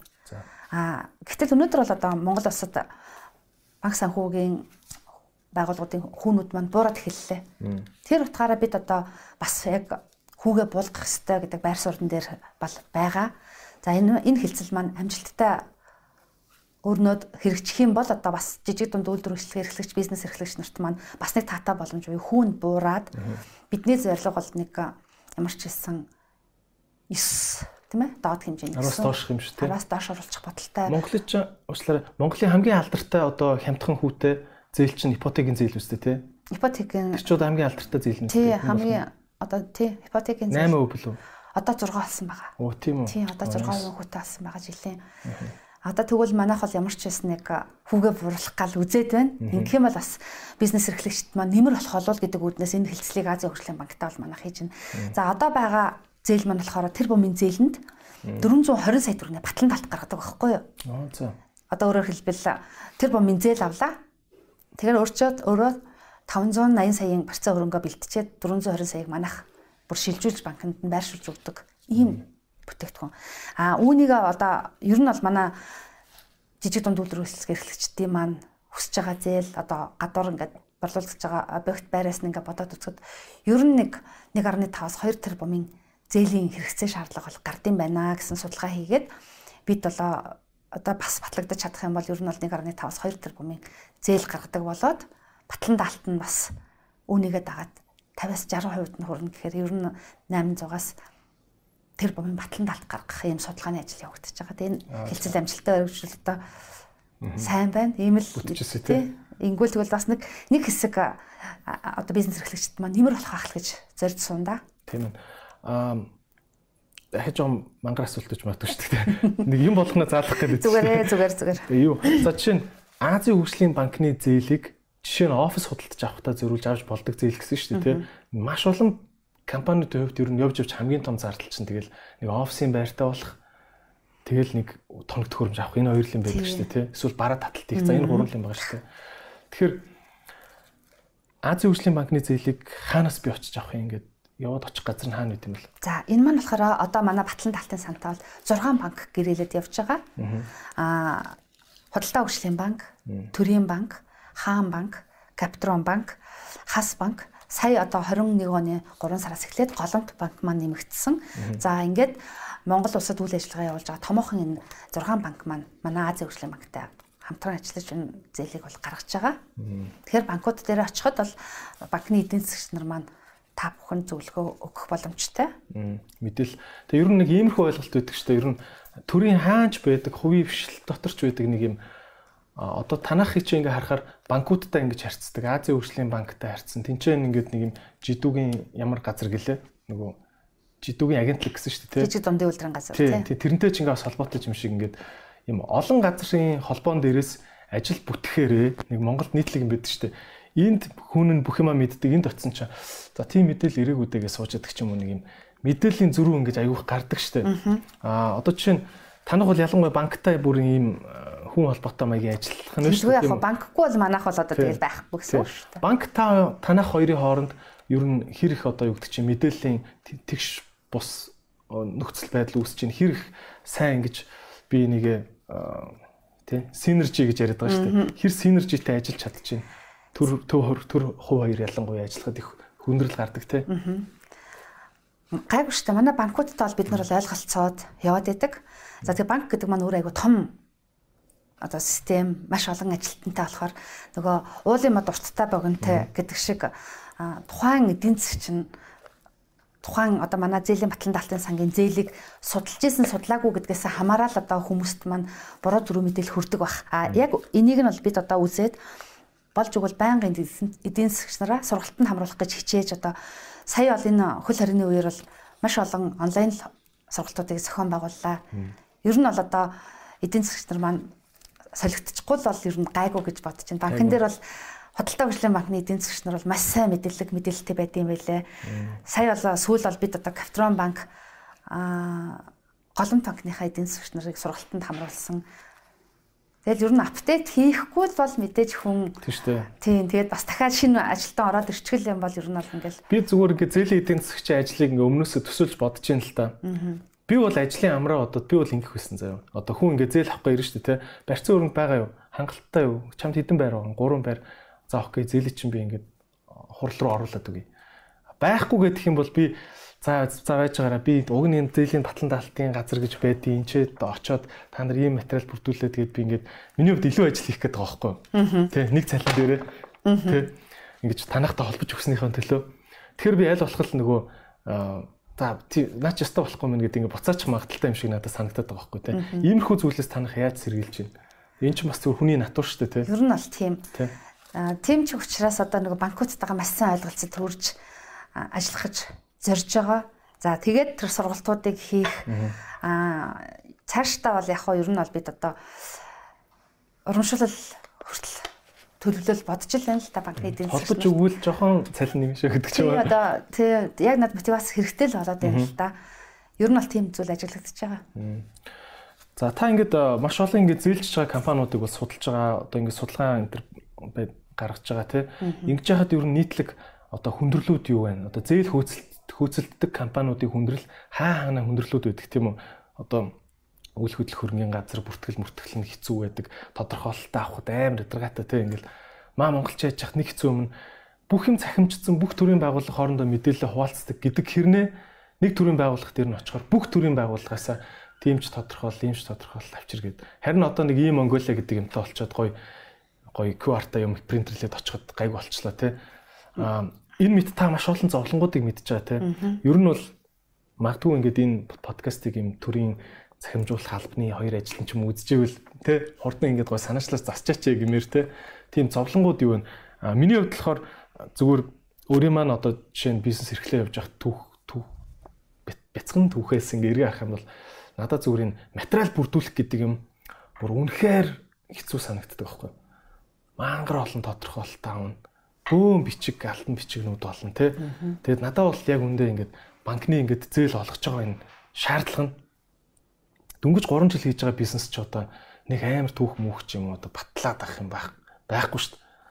Жохын юм босго хитрхи өндрөө аим санагдаад байгаа байхгүй. Гэхдээ бас банкны талаас бас эрсэл мэрсэлгээл ойлгохыг хичээдэг л дээ. Тэгээд та яг ингээм судалгааны үндэстэй одоо таван хар зовлон гэх юм уу юу нэ та нэг жагсаагач. За ер нь бол юм шигтэй. Мэдээж анхны зээл хөдөлтөд бол маш хүнд байдаг тийм ээ. Бүр ингээд банкыг хэрвээ даваад гарч ирч чадчихна гэдэг бол одоо бизнес чи ер нь бас боломжийн явах эхлэл байна гэж харагддаг. Аа энэ банк гэдэг бол үнэхээр бас шалгуурал өндөртэй. Яагаад гэвэл эдгээр чи эртлээ тооцсон ашигын төлөө байгуулах шүү дээ. Тийм. Аа төрөний хэлсэнчлэн одоо яг л энэ санхүүгийнхаа орлогыг нотлох баримтуудаа л ер нь бол манай энэ аж ахуйн нэгжүүд маш сайн хийж л сурах хэрэгтэй гэдэг юм билээ. За энэ судалгааг аваад ингээд сууж хахад одоо энэ судалгааны одоо санал хүсэлтүүд бол ерөөсөө банк маш их нуглаа гаргаад байна. Бид одоо банк ийм нуглаа гаргаж байгаа учраас батлан даалтаа зээлийг авч чадахгүй байна. Дээрэс нь энэ үйл ажиллагаа эхлээд удаагүй байгаа юм чинь яаж бидний борлуулалт ихвэж чадах юм бэ гэд яг таны хэлсэнчлэн дөнгөж нэг жил 2 жил бизнесээ ингээд эхлээд би бол эхний жилдээ баг 2 3 удаа байна уу найзынхаа банк бусаас зээл авчихсан. Яг тэгвэл банкны тэр юунд үнэхээр орлого нь нотолж чадахгүй. Баг одоо юу гэсэн үг сарын 3 4% хүүтэй ол явчихж байгаа. Тийм би бол найз руугаа залгаал зөвхөн зүгээр орлого байхгүй гэхдээ зүгээр гаргаа өгчихгүй ч юм гээл банк бусаас гаргуулж авч ирсэн. Аа одоо тэр чинь ихтгэлцэл дээр явагдаж байна л да. Яг нэг банк бус санхүүдээр явна гэдэг чинь бол яг цэвэр ихтгэлцэл явж орж ирж байгаа. За тэгээд энэ банкуд дээр бол одоо баахан бичиг цаас шаардаад байна л гэж байгаа. Одоо энэ бол банкны үйл ажиллагаа учраас би үнэхээр банкны өмнөөс бол ямар нэг юм ярих боломжгүй. Тэр хүмүүс чинь мэдээж яг нөгөө орлого нотлох нотлох материалал бүрдүүлж ээж иргэн төлөх төлөлтийн чадвараа тооцоолж ижил гаргах зүйл шүү дээ. Тэгэхээр би бол банкны өмнөөс бол тийм ярмааргүй. Өөр ямар зовлонгууд байна? Та ингээд хүмүүсийн зовлон мэдж байгаа шүү дээ. Аа. За үнэхээр одоо төрөний хэлсэнчлэн банкн дээрээс бол одоо батлан даалтын сан руу гаргах нь бол удаад байгаа. Тэгээ банкнуудтай холбоод одоо ойлголцод хүрээд гаргуулах гал явж байгаа. Аа энэ бол ялангуяа 3% дээр бол нэлээд анзаарэгдэж байна. Одоо яг л иргэдийн маань одоо манай одоо ингээд хоёлог ярьслага өгөхөд л доорноо ингээд бичиж цаад авчин жаргал савлангаа инкер ингэдэг инкер ингэдэг гэл ингээл бичнэ. Тэндээс бол одоо харагдан. Би одоо тэгэхээр нэг очиргүй хүний өмнөөс тэгсэн чинь тэгээд ингэсэн чинь ингээд гээд яриад яах вэ? Ер нь бол а манай сан бол өөд хаалгаа нээлттэй байлгаж байгаа. Зээлээ гаргахад бол бид бэлэн байна. Окей. Танах дээр тэгвэл одоо ирсэн одоо зээлийн хүсэлтийн хэдэн хувь нь ер нь батлагдаж байна. Одоо тоо тооноос. Тэгээд хэдэн хувь нь бас чанаргүй зээл болж байна. Иймэрхүү тоонууд байна уу? За 3% дээр ярих юм бол бид одоо нэг 123 зээл судалсан 123 хүсэлт ирсэн. Тухайн хүсэлтээс бол бид 9-ийг судлахаас татгалцсан байдгийг одоо шалтгаанууд нь гэвэл одоо зориулт бусаар зарцуулагдах магадлал өндөртэй ч гэдэм үү. Өөрөөр хэлбэл өөрсдөд нь ингээд байгаа материал нь бүх бүтэн 650 саяын бараа таваар байна гэд эдийн засгийн тооцоол дээр оруулж ирчээд 500 саяын зээл хүсэж байгаа гэдэг бол энэ бол хэрэгцээ шаардлага зах зээлээс хангахгүй байна гэд буцаагдсан тохиолдол байна. Энэ бол төлбөрийн энэ бараа хэрэглэлтийг хийх шаардлагагүй гэж үзэж гаргасан байх жишээ нэ. А нөгөө түрүүний хэлсэнчлэн а өөр тусгай зөвшөөрлөлттэй Аа за. Тий нөгөө хийм яг жидүү бол биш болчиход. Яг жидүү биш болчиход байдаг. Тий. За тэгээд тухайлбал худалдааны зуршлал гэдэргээд а тэдрийг бол буцаангууд өөртөө л тэрийг засуулаад буцаад ороод ирэхэд бол манай тэр нээлттэй орж ирж болдог. За барьцаа хөрөнгө нь хангалттай зээл бол миний мэдж байгаагаар нэг 5 орж ирсэн. Нөгөө барьцаа хөрөнгөний дутагдaltaй гэд ороод ирэнгүүт бид нөгөө судлаад судлаад эргээсрийн дугаараар систем програмаар үзэнгүүт нөгөө хүнд маань барьцаалах боломжтой маш олон байр сав гараад ирдэг. Тэгэнгүүт барьцаа өрнг хангалттай учраас бид судлах боломжгүй гэдэг ийм тийм ээ хариулт ирдэг. За За тэгэхээр 14 болчлоо тийм 120-өөс ч. Тий. Ер нь бол ингээд нэг 9 3 гэдэг чинь 12 зээлийг бол бид одоо 3-ыг зээлийн хорооны хурлаар оруулаад буцаасан. 9-ийг нь зээлийн хорооны хурлаар оруулахгүйгээр материалын шалгах явцдаа манайх бол авах шаардлагагүй гэж үзэж буцаасан. Ер нь бол одоо нэг 11-тэй байна уу за тийм. ээ 123-аас 12 10 10 10 өргөтлийн нэг нь бол буцагдчихад байна тийм а 9 бол батлагдчихж байгаа. Энэ бол ер нь бол одоо яг энэ зээл гаргалтын явцаар үзэх юм бол өндөр ховтой батлагдаж байна гэж ойлгож байна. Тийм ээ. Нэр энэ буцаалт гэснээс надаа наадах чинь айгүй хэцүү зүйл санагдсан ер нь. Ер нь ингээд ажил ажил хийчихгээ гүгээд хахад төрийн байгууллага дээр ч тэр за хувийн байгууллага дээр арай гайгүй бас нэг зэлийн эдийн засгч нэг тайлбарлаад үгүй одоо таарын эн чинь ингэ болохгүй байгаа байхгүй та гурав ингээд энийг засчаад ирэх гэдэг ч юм уу нэг жоохон амаараа үг хэлээд. Ер нь иймэрхүү юм би бас сонссон л доо. Одоо барууны өндөр хөгжилтэй газруудад альва нэг юм өргөтөл юм буцаагдж байгаа бол яг ийм ийм ийм шалтгаанаар буцааж байгаа шүү. Энэ нь болоогүй гэдгийг маш тодорхой бичиж өгөөд буцаадаг гэдэг ийм ер нь юм ном журамтай байт юм билээ. Манай Монголд ерөөсө тэр хэрэгждэггүй шүү дээ За мэдгүй манайч бол болоог болоог чи юм ааш гэл буцааж шиддэн дээ нэг. Манайхан арай өөр байгаа. Манайх үйлчлүүлж үзээрэй тэгвэл мэдрэх болно. Яаж буцааж? Өөрөөр хэлбэл буцаахад бол бид одоо юу гэдэг нь энэ төлбөрийн эрсдэлт өндөртэй юм аа. Та нар дахиад орж ирэхдээ ядаж тийм ээ хувь хэмжээгээ бууруулад орж ирж болно. Энэ нь нээлттэй шүү. Тэгэхгүй одоо ийм байна ч гэдэг юм уу. А эсвэл энэ заалтаа хасуулаад хүрээд ирвэл бид танад зээлийг буцаагаад авахд бэлэн байна. Тухайлбал одоо худалдааны зурчлал гэдэг бол ихэнх аж ахуйн нэгжүүд бараг юу хийж байгаагаа ойлголгүй зарим нь худалдааны зуршлал гэдээ оруулж юм шиг байгаа. А тэр заалт нь болохоор жижиг дунд үйлдвэрчлэг эрхлэгчдийн хувьд бол 20-т заалтаар явдаг. Манай энэ Азийн хөгжлийн банкныхаар ч гэсэн бол болохгүй гэж явдаг. Тэгэхээр бид нэгэнт хууль болон журманд байгаа зүйлээ барих учраас буцаахта за эдгээр одоо танай компани ийм биш шүү. Энийга хасуулаад хүрээд ирвэл бид болчих гээд байна. Хэрвээ энийга хасуулж чаднаа гэвэл бид одоо танай зээлийг судалгаанд орлоо судалжээ. Та нар манай хорооны хурал орохоос өмнө энэ материалаа янзлаад хүрээд ирээрэй. Ингиж зөвлөж буцаалтыг хүртэл хийдэг байгаа. За тэгээд тэр нь одоо энэ сая бол ингээд 12 гэдэг чинь бол одоогоор манад эргэж хандаагүй байгаа 12 зээл багхгүй юу. А тэрнээс шинэ маань яг ингээд жинхэнэ бол утгаараа зөндөө тийм аж ахуй нэгжүүд бол буцаагдах магадaltaй байсан, буцаагдсан. Буцаад залруулагдаад орж ирээд өнөөдөр зээлээ аваад болоод явчихна гэсэн. Өөрөөр хэлбэл бид одоо хамгийн шуурхаа хамгийн хялбар байлгах гэж л өнөөдрийн энэ зохион байгуулалтанд орж ажиллаж байгаа. Танай байгууллага дотор яг ингээд бизнесүүдийг хүлээж аваад одоо тэрийг одоо банкн дээр бол нэг зээлийн эдийн засгч гэдэг нэг нэг хүн сууж идэг штэ ингээл за наашаа ороод ирээрэй гэл өрөөнд дотор харилцааны менежер зээл эзэмсгч. Тийм тийм тэгж уулздаг тий. Танад одоо ямар тийм албан тушаалтай хүн бах уу хичнээн хүн бах уу яг ингээд хүлээж авч уулздаг хүмүүс нь. А хүлээж авч уулзахад бол манайхаас бол ер нь бол ихэнх мэрэгчлэнгүүд маань завтаа зайтай хүмүүс маань уулзчих болдог. А үүдэндээ бол яг албан ёсны өгтөгч мэдээлэл ажилтан гэж байгаа. А энэ хүн маань бол одоо сул үедээ бол хүн орж ирэхэд хажуугийнхаа уулзалтын өрөөнд аваад уулзчихдаг. А тэр хүн маань ахаад нэг хүнтэй уулзчаад дахиад хүнээ хүлээлгэхгүй тул дотроос одоо холбогдох мэрэгчлэлтэнгээ гаргаж ирдэг. Энэ маань бол манай Батлан даалтын газрын мэрэгчлэлтэн ч зөвлөгөө өгч болно. Эрсдлийн удирдлагын газрын мэрэгчлэлтэн зөвлөгөө өгч болно. Өөрөөр хэлбэл манай мэрэгчлэлтэнгүүд маань яг л цэвэр банкны эдийн засгийн мэрэгчлэлтэй улсууд байдаг учраас бүгд яг энэ асуудалаа тайлбарлаж хэлж болдог. За хэрэгтэй юм буугаалын өрөөтэй Идрээс подкастын өнөөдрийн дугаар хүүхдийн ордны замын яг арт талд байдаг цагаан өндөр юм цамхаг байгаа. Central Park гэдэг нэртэй. Тэгээд энэ давхрын 5 6 давхурт байдаг Lotus Tan гэдэг нэртэй одоо хятад тоолны газраас ийм гоё VIP өрөөгөө биднэрт өнөөдөр өгсөн байгаа. Тэгээд баярлалаа гэж хэлмээр байна. За цайн талагч байгаа шүү дээ. Нэг гоё цайн юм тийм. За би ч ингээд нөгөө подкаст хийхдээ амар цайм явна тий. За хоёлоо ингээд ер нь өнөөдрийн ярианы гол зорилго маань бол ерөөсөө л зээл авах гэдэг процесс процессыг хүмүүс айгүй ингээд хүнд тий. Тийм байсаар ирлээ дээ. Гэхдээ одоо ингээд сүүлийн үед маш гоё гоё хямдхан зээлүүд гарч ийн. Батлан даалтын зээлийн батлан даалтын сан гэд барьцаа өрөнгө нь хүрхгүй байгаа хүнд тусалдаг танах юм гоё байгууллага байна тий. Тэгэхээр энийг тэгэд ашигын төлөө биш дээ тий. Зүгээр л тусалдаг үстэй улсын тий. За ийм байгууллага ингээд байгаа энийг би маш олон хүмүүс мэдээсэй гэж бодоод таныг өрсөн ба тэгэд маш их баярлж байна бас энэ энэ мэдээлэл олцчаад. За тэгээд алтан шимийн хичээс би цаашаа бас яг л одоо энэ зээлтэй холбоотой юм асуусараа дуусгая гэж бодож байна. За энэ жидүү мөн биш гэдэг нэг асуудал байгаа даа шүү дээ. Одоо юу юу ч үгүй жидүү ахын жидүү гэдэг үг чинь болгож жижиг донд үйлдвэрлэл гэхээр заавал нэг юм савн хийдэг ч юм уу нэг юм малын гаралтай бүтээтгүн хям ям хийдэг ч юм уу юм үйлдвэр бодоод байгаа штэ.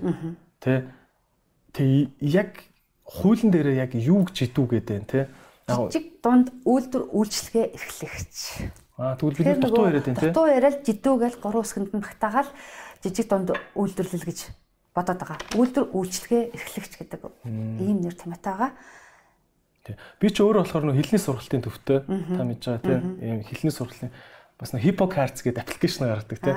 Манайх ингээд харахаар бас нөгөө эн чинь онлайн ч юм шиг үйлчлэгээ ч юм шиг. Тэгснэ яг бид нар нөгөө юм уу гаргадаг л та одоо ном ном хөвлөө гаргадаг юм бэлэг мэлгийн юмнууд бас үйлдвэрлэдэг. Тэрийг бодохоор үйлдвэрлэлч юм шиг ингээд хуулийн ингээд юу болчиход байгаа байхгүй. Одоо тэгвэл яг энэ жидүү мөн биш гэдэг тодорхойлолтоо хинээс очиж авах юм. Би зүгээр л хуулийн дээр байгаа юм чинь шууд танаад очих юм уу? Бас нэг агентлаг магентлагаар бичиг цохуулж гаргах гаргуулах юм уу? 3% зээлэн дээр бол шаардлагагүй. Түрүүн би дурдсан шүү дээ. Банкн дээрээ материалаа өгнө. Энэ маань болохоор хуулийн залтаараа 2.5 тэрбум хүртэлх орлоготой аж ахуй нэгж маань жижиг дунд үйлдвэр үйлчлэг эрхлэгч гэсэн тодорхойлолтонд багтана гэдэг энэ залттай. Хэд гинэ? 2.5 тэрбумын орлоготой. Нэг жилийн орлого нь Тэрнээс доошоо орлого. Тэрнээс доошоо байх юм бол энэ маань жижиг дунд үйлдвэр үйлчлэг эрхлэгч. Тэгээ 200 хүртэлх ажилтнтай гэхээр тэрнээс дээш болох юм бол энэ чинь том аж ахуй нэгж бол явчихна шүү дээ. Тийм. Тэгэхээр тухайн банк маань өөртөө аж ахуй нэгжийнхаа зээл хүсэгчийнхаа материалыг үүсгэхэд жилийн орлого нь хэрвээ 2.5 тэрбумаас дээш гарцсан бол судлахгүй. Тэгэхээр манай дээр ирэхгүй гэсэн үг. Аа 2.5 хүрээгүй ажилтны сон цөөхөн бах юм бол банк судалчаад зээлийн батлан далтын санд материалыг нь онлайнаар хөргүүлчихнэ. Тухайн материалыг бид аваад аж ахуй нэгжийн тодорхойлтыг хүн сүдэ аж ахуй хөнгөн үйлдвэрийн яамны жижиг дундын үйлдвэрийн газарт бид онлайнаар дотоод сүлжээгээр хүсэлт илгээхэд тэндээс судлаад хариу мөн байна. Аа эсвэл тийм залт нь зөрчилтэй байна гэж ингээд бичгэн хүрээд ирдэг байна. Тэгэхээр зээл хүсэж байгаа та энийг хөөцөлдөж гүөх шаардлагагүй л гэсэн үг. Тийм ээ. Окей. Одоо ямар нэгэн би ч одоо бүр ингэ зүрхэнд орсон байгаа байхгүй. Ямар нэгэн юм зээлийн шаардлага марлаханд нэг тийм байх ёстой, ийм байх ёстой гингүүтэл тэр болгон дээр нэг хин нэгэн даргын ийм цаас гарах ёстой гэж бүлэг бүр ингээд зүрхэнд орчоод би асуудаг байхгүй. За тэгвэл нэг ийм юм ба штэ. За одоо тэгвэл нэг банк байлаа гэж бодъё заа. Нэг банк нэг банкны нэг аймгийн зээлийн эдийн засгч томилогдсон байдал байг л дээ. Яг хөрхи санаатаа санаагүй танаа сангийн талаар мэдлэг жоохон нэмгэн сургалтанд суугаагүй банкал мэддэг тийм хүн байг гэж бодъё л доо. Тэгээ ингээ ирсэн чинь би зээлийн өсөлтөх гээд ингээд батлан даалтын сангаар би даал батлан даалгах юм а гэсэн чинь нөгөө зээлийн эдийн засгчгүй ээ чи одоо заавал 1000 мал процент тавьчих ирээ гэд ингээд явуулчих. Тэнгүүд би нэг ховлмоор санагтнаа та. Танах руу ирж ховлж болдог одоо чинь тэр эдийн засгч тэр оцсон чинь тэгээд та нар ингээ өөрсдөө хэлээд өгөөч гэд ийм юм байдаг эсвэл танах шууд банктайгаа уулзраа олгоо явуулах уу? 77 тэг тэг 2031 77 тэг тэг 2032 77 тэг тэг 2033 гэсэн дугаарууд байдаг манай. Аа энэ рүү холбогдож хүмүүс маань зөвлөгөө авдаг, ярьдаг. Мөн 8088 9237 гэсэн яг энэ сангийн одоо утас байна. За. 9237 гэдэг нь одоо утасны тооч дээр латинаар зээлийн батлан даалтын сан гэсэн өсгөнүүд байршсан ийм утас байна. 8088 9237. За энэ рүү санал хүсэлтээ өгч болно. Мөн зээлийн батлан даалтын сан гэж пэйж хуудас байна. Зээлийн батлан даалтын сан гэж аккаунт байна, тийм ээ. Эднэр лөө бол ингээ хүмүүс маань сайхан асуултуудаа ирүүлдэг. Одоо таны хэлсэн саяны кейс бол манай дээр зөндөө болдог. Сайн байна уу? Дорногой аймагаас холбогдож байна? Хаан банкны ийм эдийн засагч одоо ингээд батлан даалтын сан руу явуулахгүй гэдэг байна. Та хэлээд өгөөч ээ. Бид нар ойлголоо одоо шинэ хүн болсон болов уу? Эсвэл одоо судлах юуг байгаа болоо. За гэд ингээд тухайн аймаг руу бид шаардлагатай бол холбогддог. Эсвэл төв рүү танаа энэ салбар дээр ийм асуудал үүссэн байна. Сургалтанд хамрагдаагүй хүн байгаа болоо. Эсвэл одоо яасан болоо гэд ингээд мэдээлэл солилцоод явцдаг. Аа тэгвэл бас их их төрлийн байгууллагууд ер нь тэгдэг штэ. За мэдгүй та нар цаана өөрсдөө уучраа болоо ирээрэ гэдэг нэг иймэрхүү байдаг штэ тий. Та манайхаар үйлчлээд үтчих тэрнийхэн дараа. Ер нь тгий. За окей ойлголоо. За би тэгтээ бас юм төрлийн байгууллагууд ингээд илүү юм гоё ингээд мэдээлэл түгэх гэж оролддог те ингээд дарга марга нарын урьхаар ингээд оо цаа минут өгөөд ингээд ирчдэг те ийм болоод байгаад би ер нь бол ингээд манай хүмүүс нэг юм манай улс болохгүй ингээд өстой төр бүтэхгүй гэл нэг ийм энэ баг Монгол улсаас зайлын явахны юм ярьдаг те. Гэтэ ингээд бас ингэ сайныг нь харуул надаа ингэ юм яваад юм санагдаад байхгүй. Аа за за тэгвэл хоёул жоохон юм хар барааны талаас нь бас ярил л да бас те. Дандаа гэгээлэг талаас ярихгүй. За альва нэг мөнгө гаргадаг, ийм батлан даалт гаргадаг, зээл гаргадаг, зөвшөөрөл өгдөг ийм төрлийн алба нэгжүүд авилгалд өртөх магадлал хамгийн өндөр байдаг тийм үү? Аа. Магадгүй авилгалын индексээр ингээд чагсаавал танах бол баг ингээд хамгийн өндөр магадaltaй газарт орох бах те. Аа тэн дээр та та нарыг одоо ямар хяналт байдیں۔ те. Үнэхээр одоо бүр ингээд ойлгомжтой болчихлоо шүү дээ. Ингээд тендер авахд 10%. Бүр 10%-ийн тэр мэргээд юм дарга марган тийм нэр мэртэй болсон ч ах шиг те. Ийм юмнууд явж идэв шүү дээ. Аа танах хин хянж гин. Ямар одоо төрлийн юм аудит ортын. За одоо ер нь бол альва юм хаалттай байх тусмаа мэдээлэл хин нэгэнд хүрэхгүй байх тусмаа одоо тэр авилгал авах гэдэг ч юм уу тийм ээ эсвэл хүмүүс хий хардах ч гэдэг юм уу энэ асуудлууд бол их байдаг гэж би үздэг юм. Тийм учраас манай сан бол одоо өөртөө олон нийтэд нээлттэй байгаад энэ мэдээлэл маань нээлттэй хүрээд эхэлвэл саний тэр одоо хардалт байна уу эсвэл одоо авилгал байна уу ангид байж чадна гэж үзэж байгаа. Яагаад хүн мэдхгүй юмныхаа төлөө одоо өөртөө ялангуяа манай монголчуудын зам штэ нэг зээл хөөцөлт гэсэн тэнд таньдаг хүн байна уу? Тийм. Нэг газар авах гэсэн тэнд таньдаг хүн байна уу? Тэтгэр тогтоолох гэсэн нийгмийн татгал таньдаг хүн байна уу гэж ингэж гүдэг. Одоо яг яагаад ингэж идгийг нь бол ойлгохгүй юм. Монголчууд баг бүгдээр л тийм хүн хайгаад байдаг. А тэгэнгүүтээ тэрийг хин нэгэн хүний идэж болгочдөг. Манай Батлан даалтын сан дээр зүгээр үнэхээр энэ Батлан даалтын сангийн тухай бүтээгдэхүүнийг мэдмээр байвал манай дээр ирэл сан зөвлөгөө авчлаа. Манай пэйж руу ороод асуултаа тавиад авчлаа. Заавал энэ Батлан даалтын сан таньдаг хүн хайх ямар хэрэгтэй юм тийм ээ.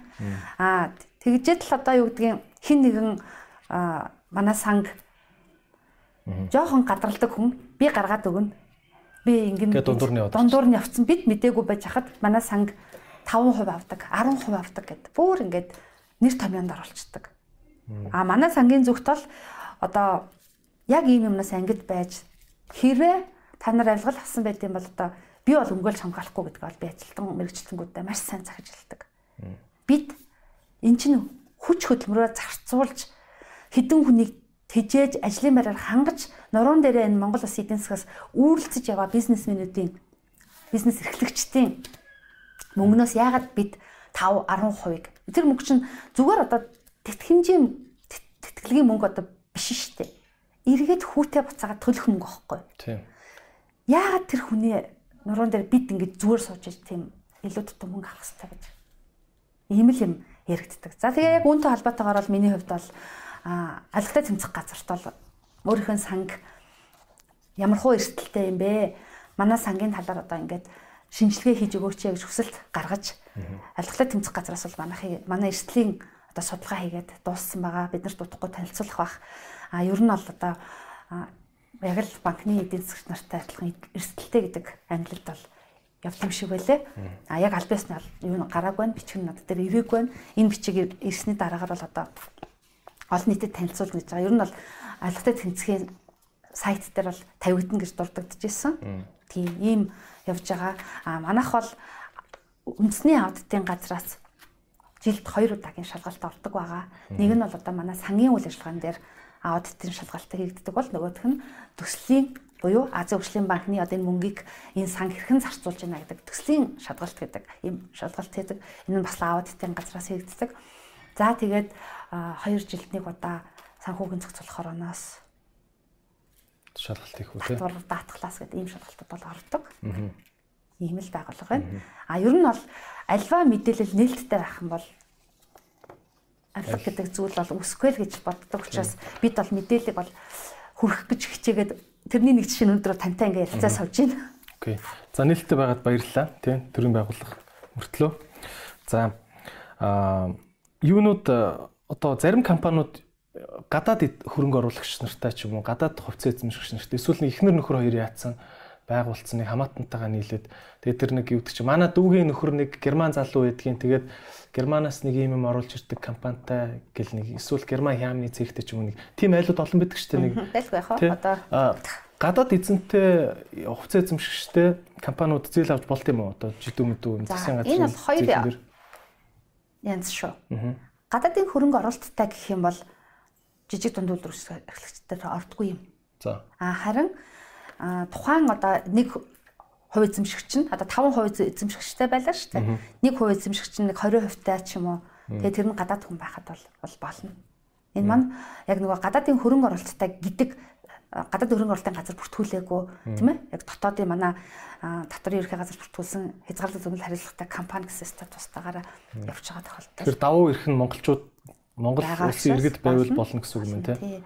Тэрнээс биш яг нэг шууд гурван гадаад хүн байгуулад хөрөнгө оруулад явцдаг шүү дээ мөнгөө оруулж ирээд. Тэр тохиолдолд тэр маань гадаадын хөрөнгө оруулалтын газраар бүртгэгдээд явдаг учраас тийм аж ахуй нэгжид бол Тэр чинь бас нэг босготой байдаг санаадах юм те 100 мянган доллароос илүү мөнгийг хийгээд яасан юм ч үлээ нэг тийм мөнгө төлж ээж тэд нар өөрсдөө нөгөө Монгол оршин суух виза авдаг гэдэг. Нэлээд олон шалгуур үзүүлэлттэй шүү дээ. Тийм санаж байна тий. Нөгөө гадаад хувьцаа эзэмшигч нь Монголд ингэж ажиллаж амьдрах хэрэгтэй болж малцсан тий. Оршин суух авдаг. За тэгвэл энэ нэг юм юу байгаад байна л да. Аа банкуд дээр танах ингээд бүх банкудтай ажиллаж байгаа юм шиг байна тий. Ер нь Монголд хичнээн банк байдیں۔ Хиддэн танах ажиллаж байна. Тэр банкуд дээр хамгийн их зээл өгж байгаа нь аль аль банкуд байгаад байна. Таны зүгээр ажилласнаар бол яг одоо хамгийн одоо цагаа эмнэх гээд штэ. Одоо тэр олон банкны сонголт уу штэ. Аль банкуд нь одоо илүү тийм зөрөгтэйгоор одоо барьцаа хөрөнгө дутагдсан хүмүүст илүү илүү зориг гаргаж зээл өгöd ах шиг байна. Тиймэрхүү ажиллах Аа, ер нь бол манай Монгол улсад 12 банк үйл ажиллагаа явуулж байгаа. Аа, үүнээс бол одоо манай Азийн хөгжлийн банкны төсөл дээр бол 6 нь байгаа гэж түрүүнэрлсэн. А яг түүнийхэн жишг адилаар бас одоо энэ 3% зээлэн дээр ч гэсэн яг л тэр 6 банк маань илүү төлхөө орж ирж байна. Зээлүүд гаргалт маань яг л тэр 6 банкнаас гарч байна. Энэ маань хэрвээ одоо ингээд нэрлэх юм бол худалдаа хөгжил, төр, хаан, голомт, хас, капитрон гэсэн ийм 6 банк бол илүү их одоо зээлийг гаргаж үйл ажиллагаа бол явуулж чадчихэв. А Азийн хөгжлийн банкны жишээн дээр бол хамгийн ихээр одоо манай батлан даалтаа зээлийг гаргаж амжилттай хэрэгжүүлж явж байгаа банк нь бол худалдаа хөгжил төрийн банк хоёр бол маш сайн гаргаж явдаг. А ер нь бол хаан банк маань сүүлийн үед бас маш их итгэвч, капитал банк маань итгэвчж одоо зээлүүд гаргаж эхэлж байгаа. За тэгээд голомт маань түрүүн хэлсэнчлэн шинээр одоо манай дээр хамрагдаж одоо зээл гарах гарсан байна. Тэг ер нь бол э, би буруу ойлгоо ойлгоогүй бол банк болох нэг өөрийн гэсэн зээлийн бодлоготой байдаг. Тийм зээлийн одоо банкны баг нэг хүнээр ярил зан төлөвтэй байдаг тийм өөрийн гэсэн характертай байдаг. Зарим банкуд ийм том төслүүд рүү айгүй их мөнгө зөрг гаргаад гэх юм одоо хийдэг. Заримуд нь болохоор ингээд бодлохоор үгүй зөвхөн жижигхэн зөвхөн ийм төрлийнх гэдэг ингээд төрөлжсөн байдаг юм шиг л надад санагдтал та тийм Манай энэ хамтарч байгаа энэ 6 банк бол ерөнхийдөө яг жижиг дунд үйлдвэрлэлүүгээ бас төлхөө ингээ явдаг. Өөр өөрсдийн гэсэн онцлогтой, өөр өөрсдийн гэсэн харилцагчтай болчихсон ийм банкуд байгаа. Окей. Энэ зээл авахд бас босох өндөр гэд би танд бахан гомдлоо. Гэхдээ ер нь дөнгөж зээл хөөцөлдөж эхэлж үзэж байхдаа айгүй хэцүү санагдтыг. Тэгэд надад одоо тэр нөгөө орлогоо нотлох гэдгээс гадна нэг хідэн хэцүү санагддаг юмнууд одоо энэ юу байгаа даахгүй энэ санхүүгийн төлөвлөгөөгөө авчир. Тэ? Нэг ирээдүй бүрхэг штэ ч одоо бизнес хийгээд нэг 1.5 жил болж байгаа 25 та залууд одоо төлөвлөгөөгөө аваад ир гэдэг тэ. Тэнгүүт нүүдх нь ингээд нэг iPhone оруулж ирчихсэн нэг жижигхэн засрын газар мазартаа болгож явах өргөжүүлс яг юу төлөвлөхийг мэдэгдэдэггүй те. Тэнгүүтээ нэг юм эргэн төлөлтийн хуваар гэдэг юм а тохир гэдэг. Ихэнх одоо ялангуяа одоо энэ энэ ковид мовидтай хөл хориотой үед эргэн төлөлтийн хуваараа бизнесүүд таамаглана гэдэг ч аягүй хэцүү шүү дээ, тэ. Яагаад тийм юм ингэ шаардад тийм. Энд дэр жоохон юм танах ч одоо банкуудтайгаа ярилцаа ч юм уу жоохон зөөлж болтгүй юм уу, тэ. Эргэн төлөлтийн хуваарийг бол яалтчгүй тухайн зээлдэгч өөрийнхөө төлж чадна гэсэн хугацаагаараа бол ер нь бол гаргаж өгөх хэрэгтэй байдаг. Тэрнээс биш одоо таны эргэн төлөх чадварыг банкны эдийн засагч шууд ингэж өөрөө тавиад авах боломж хүнд байдаг. А тавиад өгчхөөр зарим хүмүүс суурлаад байдаг. Одоо энэ 3% дээр чинь бол эхний нэг жил нь үндсэн зээл төлөлтөөс бол хойшлуулад сүүлийнхээ 2 жилд хувааж төлөх гэж гарцсан байгаа. Аа зарим аж ахуй нэгжүүд маань бүр бид нар ямар ч юу авахгүй хөнгөлөлт авахгүй яг 3 жилдээ тэнцүү хувааж төлнө гэсэн байгаа. Энэ бол ер нь бол эргэн төлөлтийн хуваар бол заавал хийгдэнэ. А хийгдэхдээ одоо хоёр хувилбар байна шүү дээ. Нэг нь таны өөрийн хүслээр би одоо ингээд эхний нэг жил ч юм уу эхний 6 сар би зөвхөн хүүгээ төлөё. Тэгээд тэрнээс цааш би нэг жоох ингэх юм бол миний бараа эргэл сайжрах хэрэгтэй юм аа. Тэгээд би 2 жил 6 сарда үлдсэн мөнгөө 30 сарда үлдсэн мөнгөө хувааж үндсэн зээлээ төлөё. Аа бидний бол хамгийн уян хатнаа эхний нэг жил буюу 12 сар хүүнээс зөвхөн хүүгээ төлнө. Үндсэн зээлд чөлөөлөх тийм боломжийг олгоцсон байна. Аа тэгвэл одоо үйл ажиллагаа нь ингээ боломжийн хэвээ явж байгаа зарим компаниуд бол бид нар ямар ч тийм хөнгөлөлт авахгүй 36 сартаа хуваалгаж тавина гэсэн аж ахуй гэж байгаа. Аа ер нь бол манай одоо энэ 3 хувьд бол ийм байгаа бол манай Азийн хөгжлийн банкны зээл маань 48 сар хүртэлх хөрөнгө оруулалт эргэлтийн хөрөнгөний зээл а 120 сар хүртэлх хөрөнгө оруулалтын зээл зээлийг бол гаргаж байгаа. За үүнийхээ эхний 24 сард нь бол бас үндсэн зээлээс чөлөөлөгдөж зөвхөн хүү төлж явахаар байдаг. Энэ бол яг л өөрийн чинь сонголт. Өөрөө 2 жилдээ ер нь бол би хүүгээ зөвхөн төлөё гэд ингээд хуваараа хэлчихэж болно. Эсвэл үгээ эхний жилэл би үндсэн чөлөөлтөөс аван дараад нь би ингэнэ бас юм боломжууд байна тийм байна. Тийм бол тийм ээ. Эргэн төлөлтийн хувьд бол яалтчгүй өөрийн чинь тийм ээ. Шийдвэр зүйл шүү. Би наадах чинь мэдээг ер нь хүн ингээд мэдээг үгс болж амар хөртөн шүү. Би анх яг банкны зээл авч явахдаа наад нөгөө эхний хэдэн сар нь үндсэн зээлээ төлөхгүй зүгээр хүүгээ төлөөд явж иж болно гэдэг нэг юм жоохон юм эргэн төлөлтийн юм хөнгөлсөн юм хуваар шүү дээ. Тэр би мэдээг байхгүй.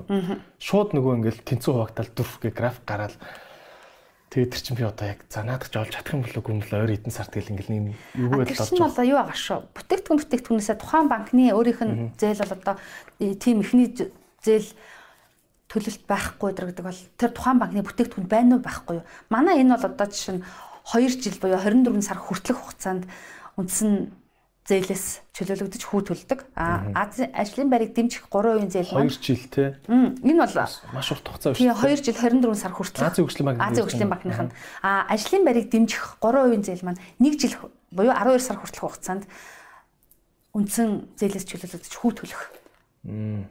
Наач тэгвэл айгуугаа нөхцөл шүү дээ те бүтэн жил зүгээр л хүүгээ төлөөлөл явж байгаа гэдэг чинь тий. Тийм шүү дээ. Одоо тэгээд энэ хүмүүс бол 3% гэдэг байгаа юм. Угтаа бол энэ зээл чи 9% хүүтэй зээл багхгүй юу? Аа 3%-ийг нь зээлдэгч та эдрод өөрөө төлж байгаа юм. Аа за. 6%-ийг нь Монгол Улсын засгийн газар аж ахуй нэгжээ дэмжиж санхүүжилтээ хийж байгаа юм. Аа за за. Банк бол 9% зээлтэй гарч байгаа тий. Банк бол 9% хүүтэй зээл гарч байгаа. Энэ маань бол одоо Тэгэл гайхамшигтай тий. Гайхамшигтай. Энэ бол одоо энэ боломжийг мэдээж хүн болгоно л авахыг хүсэж байгаа. А авах гад энэ хүмүүс маань ингээд өөртөө зориход хамгийн харамсалтай нь миний хам яриа эхлэхэд л хэлжсэн шүү дээ. Санхүүгийн сахилгахгүй байна.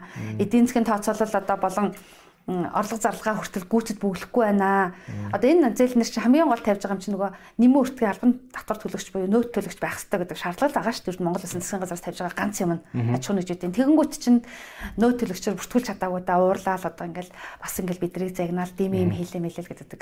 Гэтэл ухтаа бол одоо нэгэн бизнесийн үйл ажиллагаа явуулж ашиг олж л байгаа бол нөөц төлөгч байх хэрэгтэй. Нөөц төлөгч болж чадчихна гэдэг чи одоо эцсийн хэрэглэгч болж худалдаж авч байгаа бид нарт ч гэсэн нөгөө нөтийн баримт буцаагаад баримт буцааж өгж гин гэдэг чинь энэ маань л одоо миний түрүүний хэлээд байгаа санхүүгийн сахилга бат аливаа мэл тод байх гэдэг чинь болоод явж байгаа. Манайхан нөгөө техник татвараас зүхтааж байгаа нэрийн дор хоёр данс үүсгээд касс руугаа айгүйх мөнгө гаргаад бэлэн мөнгөөр худалдаа авалт юунуудаа хийгээд те компани ингээ орлого зарлах нь дансан дээр ингээ зарцмал харагдаад идэх те. Тэгэл касс руу гаргачих нэг хэсэг нэг хамаг л газар тийм болцсон байсан юм сте касс руу мөнгө гаргачих. Тэгэл бэлнээр явчих. Тэг чин бэлнээр өгдөг авдаг гэл нэг юм хүмүүс л айгүй хөөсөн мэт. Одоо бол одоо яг л энэ үнэхээр хорлоод байна тий. Зээл авахд чинь л энэ чинь өнөөдөр өөрт чинь төвөг болж ин л гэсэн үг байхгүй. Тийм ээ. Тэгэхээр ер нь бол одоо миний түрүүний хэлсэнчлэн санхүүгийн сахилгатай байж санхүүгийн орлого зарлагыг бол ил тод хөтөлж явхад дараа дараагийн төсөл зээл хөтөлбөр гэдэг ийм юм гарахад бол таны юм бол бэлэн байна л гэсэн үг. Тийм ээ. Аа та түрүүн бас ингээд хууль энтер гэдээ ярьж байна. Хуулийн заалтууд одоо жишээ нь батланда биш жидүүтэй холбоотой хууль, энэ элдв тусгай сангуудтай холбоотой хууль, энэ зээл мэлтэй холбоотой хууль те нэг юм хуулийн заалтуудаас та жоохон танилцуулаач одоо. Хуулийн уг нь ийм ийм заалтуудыг та нар миний дүү ер нь бизнес эрхэлж байгаа бол одоо энэ ч нэг юм 20 29 дөө залуу. Нэг 3 4 жил бизнес хийцэн ингээд За одоо жоохон томрох гээд ирж штэ. За мэдөө эртхэн нэг юм том мөнгө эргэлдүүлэхээс өмнө нэг иймэрхүү иймэрхүү хуулийн заалтууд ер нь байдаг шүү мэдчихэрээ. Гэмэр тэм та заалтууд сонирхуулаач. Одоо ямар ч өөрч хамаагүй. Тэ одоо танаа сантаа хамаагүй. Ер нь нэг юм тэ бизнес их чи хамаатныхаа дүүд та юу гэж хэлэх вэ? Ер нь бол одоо яг бизнес ихчээс болж очиргүй хууль ярихаас илүүтэйгээр би бол хамгийн гол нь одоо түрүүний хэлсэнчлэн орлого зарлагаа ер нь банкаар оруулж гаргаж хэвших хэрэгтэй байна. Тэ мэ? А тэгэхгүй одоо ингээд яг энэ бид нар дээр ирээд ингээд хүсэлт тавиад байгаа зөвлөгөө аваад байгаа улсад ярихаараа. Үгүй би одоо нөгөө хамаатныхаа охин манаа няро хийдэм аа. Бид нар тэрнийхээ дансаар мөнгө оруулж гаргадаг юм. Компанийн дансаар биш. Тэгээ одоо ингээд зээлэнд орсон чинь орлого нотлогдохгүй байна гэдэг юм. Үгүй яаж ч утсан одоо эдруудын данс аж ахуй нэгжийн данс эдруудын хувийн данс хоёрт нь мөнгө орохгүй мөртлөө танад одоо мэрэгчлэнгээр ажиллаж байгаа алтан чимгийн дансаар танаа компани мөнгө орж гарч ийн гэхээр одоо болохгүй шүү дээ. Итгэхгүй. Тийм тийм. Хэцүү байгаа зү дээ. Ийм газрууд л зээл авч чадахгүй байна гэл одоо ер нь бол яриад байгаа. Тийм учраас зүгээр л дахиад хэлэхэд бол манайхан бол ер нь та бүх юм дансаар орлогоо нотолж мөнгө оруулж гаргаж сурах хэрэгтэй байна. Дахиад нэг юм гэвэл одоо нөөд төлөгч болчих юм бол тэр кассын машин жишэнтэй болчих юм бол ер нь бол орлого чинь бүр сайхан баталгаажаад явчихнаа. Яг ийм тохиолдолд бол зээл бол хэн бүхний өмнө нээлттэй байд юм байна. Түүнээс биш одоо ингээд манайх ингээд бэлнээр мөнгөө ингэдэм аа гэдэг нэг юм навсаасан хар дэвтэр хар дэвтэр гэдэг нэг юм барьж ирчээл Тэгээд нөгөө зээл эдийн засаг чинь тэрийг аваад ингээд нэг махлаал ингээд суугаад тэр орлогын цэвэршүүлж тооц чинь энэ орлого нь ийм байна гэл ингээд ингээд цаг үеийг одоо болмоор халмаар байна. Тэгээ ялангуяа залуу хүмүүс бол одоо бол нэг үе бодвол илүү их хөдөлмөрч болсон, илүү их одоо нээлттэй болсон, илүү хариуцлагатай гэж би залуу яа харж тодорхойлж байгаа. Ер нь бол одоо ингээд яг зээл хүсээд ирж байгаа залуучуудыг харахад бол ер нь бол бас хэрсүү. Ер нь бол яг нэг шудрах ил тод юма хийчих гэсэн байна гэж би харж байгаа шүү дээ. Одоо яг үнэхээр миний үеийнхнээс илүү залуу үеийнхний хариуцлага бол хариуцлагатай. Эхнээсээ зөв явчих гэсэн л харагдаж байгаа шүү дээ. Тийм. Ер нь түүх гэдэг чинь да тий нэг нэг юм нэг юм болохгүй бүтгүй юм лөөр мөр хийцэн ч юм уу түүх чинь тэгэл дэлхий жижиг гэн те Монгол байтхад дэлхий жижиг гэн те тэгж ярьж байна. Саяхан бас манай нэг подкаст орсон зочин бас тэгж ярьж илээ. Тэгэл нэг нэг хүнийг холихтаа л явуулахад тэр нь очиод битүү ингээл ярьчихдээ штэ. Дэлхий бол жоохон штэ л гээл тэгжлээ те. За түрүүн би бас таны хэлсэн үгийг өөр газар зөндөө олон юм сонсч ирсэн юм зүү тогтол надад ажиглагдаж байна л та. Жишээ нь юу гэхээр нэг ийм ярьжсэн аахгүй. Одоо чинь юу гэдэг чинь нэг визэнд ордог тийм үү? Тэртээ тэргүй өөрөө зүгээр л вебсайтн дээр байгаа юмыг нь материалаа бүрдүүлэл визэнд ороход солонгосын виз гаруу гаруул асуудалгүй л гардаг. Юм байсаар байтал манайхан заавал нэг юм таньдаг хүнээрээ дамжина гэдэг сэтгэлгээтэй учраас солонгосын виз гаргаад өгчих хүн байна уу гэдэг Нөгөөх нь оо их чинь 10 саяар гаргаад өчиг 5 сая өршлөхө өчиг гингүүтэ пан алга болно.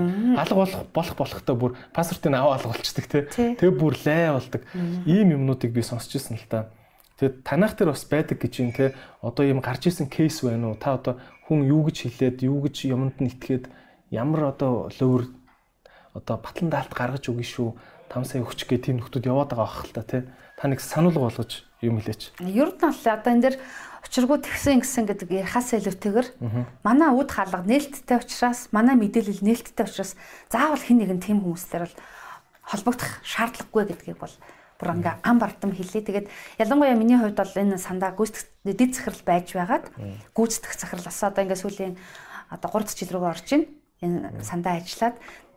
Яг намайг одоо энэ ажиллаж байгаа хугацаанд бол энэ талаарх ойлголтууд бол харьцангуй багассан, банкнуттайгаа ч ойлголцож чадсан Аа тэгэхээр бол энэ дэр бол яг тэр тэгсэн энэ гэсэн гэдэг яриа бол цохимжгүй бах гэж бодож байна. Аа хэрвээ тийм асуудлууд байвал тэрийг бол одоо холбогдох газрууд нь шалгаад гаргаад ирэх хэлгөө. Аа манай ажилтнууд бол бид бол одоо өөрсдөө хариуцлагын гэрээ байгуулдаг байгаа. Тийм ээ. Энэ дээр бол ямар нэгэн ийм ашиг сонирхолтой ийм зүйл дээр холбогдохгүй гэдэг Одоо ер нь зүгээр шулуухан хэлэхэд хэрэг холбогддог юм бол би бол өмөрч хамгаалж авч үлдэн гэсэн ойлголт авахгүй шүү явдаг газар нь явуулна шүү гэд шулуухан хэлчихдэг шүү дээ. Тэр нэг амар гэдгийг.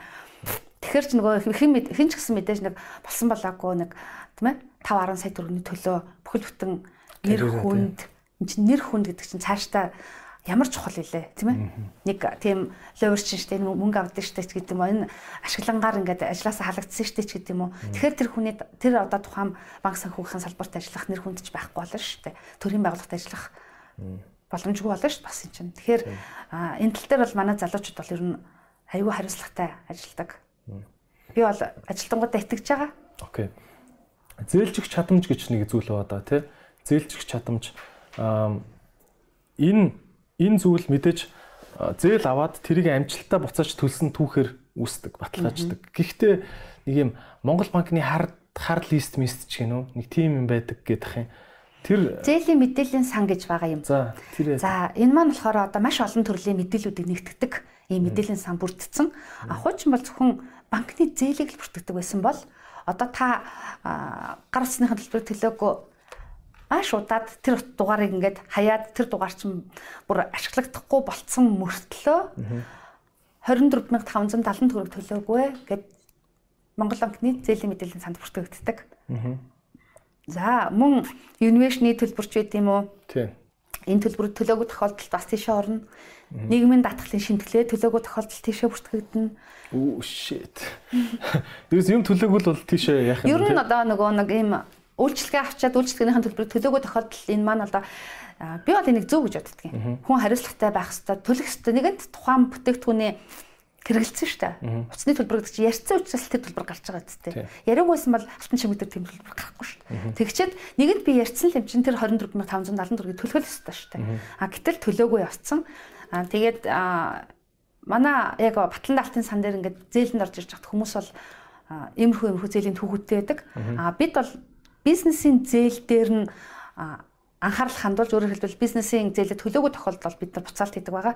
А тэрнээс биш одоо ийм жижиг ахын хэрэглээний зээлэн дээр мод хүүхссэн бол за та 24570 төлчөөл хүрээдэр гэд оруулдаг байгаа. Ягаад гэхээр тэр хүн нөгөө мартцсан ч ч магадгүй магадгүй хүүхдтэй ч юм уу дүүдээ бариулж агаад нөгөө төлн дээр дугаар нь хэрэглэхээ байлаад өөрийнх нь нэрээр байсан утасны тийм төлбөр үр төлбөр үүссэн байхыг үгүйсэх арга байхгүй. Тэгэхээр энэ дэр бол манай хувийн хатаа хандаж тэр зээлийн мэдээллийн сантай бол зөвхөн бизнесийн зээлтэй холбоотой мууд хүүхдтэй л ажилладаг. Ийм. Тэгэхээр хувийнх нь өөрийнх нь ийм түүхийн бол нэг бизнесийн түүхтэй нь холиод байдгүй юм те гайгүй. Бизнесийн түүхийг л гол үзэж байгаа. Аа жижиг хэрэглээний буюу саяных шиг одоо утасны ч юм уу инновашн ч юм уу тийм ээ. А нийгмийн даатгалын шимтгэлийн өөр байх юм бол аж ахуйн нэгжтэр нь байх юм бол төлбөр төлчөд ороод ирээ бид нар зээлийг чинь гаргаад өгье л гэж хэлдэг баг. Аа зүг. Тий. Окей. А урд нь бол одоо юу гэдгийг заавал ингээд өртөө бол оруулахгүй моруулахгүй гинэ гэж хүмүүс яриад байдаг. Гэтэл бид бол аль болох уян хатан 3 сая төгрөгийн нийгэм даатгалын өөр аж ахуйн нэгжид бол үдид бол байлгүй явах тийм ээ. Тэгэхээр төлчөд ороод ирээ бид зээлийн хорооныхоо хурлаар оруулна л гэдэг ийм шийдвэртэй ажилладаг байна. Окей. Зүгээр таны хувийн альбан тушаалын талаар асуухад зээлийн батлан даалтын сангийн гүйцэтгэх захирал гэдэг чи одоо энэ зээлийн батлан даалт хийдэг газрын одоо хамгийн том дарга нь гэж би ойлгож байгаа шүү дээ. Зүг үү? За манай сан бол одоо тууцтай төлөөлөн удирдах зөвлөл гэдэг удирдлагын баг ажилладаг. Аа энэ маань бол одоо Монгол Улсын засгийн газрын оролцоотой дөрөв нэг нэрлсэн шүү дээ. Хүнсгэд аж ахуй хөнгө үйлдвэр яам, Монгол банк, сангийн яам, за тэгээд худалдаа аж үйлдвэрийн танхим гэсэн болон ажил олгогч эзэдийн холбоо зэрэг төрийн бус байгууллагуудын төлөөлөлтөй ийм удирдлагын баг ажилладаг. А гүйцэтгэх захирлыг бол төлөөлөл удирдах зүйлээс бол томилдог. Би дээрээ удирдлагатай гэсэн үг. Окей. Тэгэхээр таныг сонгож чинь би яг хөө зөвөр юу гэж асуух гэж юм гэхээр нөө иргэн болгонд харддаг шүү. Хардах ирэх байгаа гэж ойлгоод байгаа шүү те. Нөгөө энэ сангийн захирлын энэ одоо тим тим агентлагийн дарга тэр тэр тэр сайтын хүн очиж байгаа гинэ. Тэрний хүн тэнд байгаа гинэ гэхэл төр дэм яд штэ. Тэ одоо ялангуяа нөгөө төрийн мэдлийн компаниуд гэдэг штэ. Тэдний захирал нь тэр сайтын тим хүн очсон гэл ингэдэг штэ. А таны одоо та жишээ энэ санд одоо таны өмнөх одоо ажлын түүх ямар байсан бэ те? Энэ мессен дээр бас миний бодлоор чухал мессеж штэ. Энэ мессен дээр очихын тулд ер нь ямар замналаар явсан бэ? А ер нь аль би улсад бол одоо жоохон хардж ярьслаа шүү. 28 зүгээр улсад бол би одоо 28 дахь жилдээ ажиллаж байна. Тийм ажлын гараа бол одоо жирийн ажилчингаас эхэлж ирсэн. Энэ бол төсөвт байгууллагын анхан шатны ажилтан л хийжсэн. За тэгээд дараад нь бол одоо нийгмийн даатгал гэдэг их айлд 15 жил байцаагчаас ахлах мэрэгчлээ хүртэл би ажилласан байдгийн. За тэгээ түүний дараагаар бол би шудраг урсгалт эрхлэгчийн төлөө газарт газрын дараагаар 2 жил ажилласан байдгийн. За хэсэг зур хувийн бизнесийнхаа ажлыг хийж байгаад 2019 оны 1 сард зэлийн батлан талтын сангийн дэд захирлаар томилогдсон. За тэгээд сая 20 20 оны 8 сард би гүйцэтгэх захирал болсон. Одоо ингээ 2 дахь 2 жил 6 сар 3 дахь жилдээ ажиллаад явж байгаа. Ийм л хүн байна да. Бизнесийн удирдлага, эрх зүйч эдийн засгч мэрэгчлэлтэй докторант. За, окей. Төрийн төшөө хүн биш те. Жинк 28 жил гэдэг чинь бас их хугацаа шүү ер нь те. Маш их хугацаа. За, тэгвэл одоо танаа хоёлоо жоохон ирээдүйн юм яриа л да те. А зээлийн батлан даалтын сангийн одоо хийгдэж байгаа том том ажлууд юу вэ? Бас ер нь төрийн байгууллагууд бүх газараа ингээл айгуу дижитал болоод шинэ төрлийн төрлийн үйлчлэгээнүүд гаргаад ингээл яаж ах шиг байна те. Хувь хувьсч ах шиг байна. Танах ямар ажлууд төлөвлөж чинь эх жил юу болох гээд байна. За саяны энэ 21 он бол ер нь бол манайдар маш сайхан өгөөчтэй, сайхан эхэлсэн. Манай сан бол одоо өөрийн байртаа алсан байна. түрээс төлжин тэнд ингэж явдаг байсан бол Сүхбаатар дүүргийн нэгдүгээр хороо гэрээгээ та ортол одоо өөрийн байранд одоо ингээд сан маань доктортой үйл ажиллагаа явуулах энэ сайхан боломж бол 21 оны 2 сараас эхлээд бид одоо шинэ байранд орсон байгаа. За ирээдүйд бол одоо бидний зорилго гэвэл одоо ипотекийн зээлд батланда алт гаргах боломжийг бол бид нэлээд удаан судалсан. Энэ судалсан ажлаа бол сүүлийн одоо 9 сарын хугацаанд маш олон төрлийн судалгаа хийгээд одоо Мөнхбаатар барилгатай галтын сайд Мөнхбаатар сайд маань өнгөрсөн 7 хоногт зарчих шиг болно лээ тийм ээ. Ипотект батлан даалт гаргах талаар судлагдчихж байгаа гэд. За энэ маань хуулийн хүрээндээ бол хязгаарлагдмал болчихж байгаа юм. Манайх чинь зөвхөн жижиг дунд үйлдвэр үйлчлэх эрхлэгч нарт батлан даалт гаргана гэд. Тийм учраас манай зээлийн батлан даалтын сангийн тухай хуульд бол нэмэлт өөрчлөлт оруулахаар бид зорж ажиллаж байна. Энэ өөрчлөлт орох юм бол түрүүн таны хэлээдсэн зүгээр нөгөө нэг гутал хийж зардаг бата маань болдоо маань иргнээрээ иргнээр ороод ирэх боломж нь дахиад нэгтчихэж байгаа.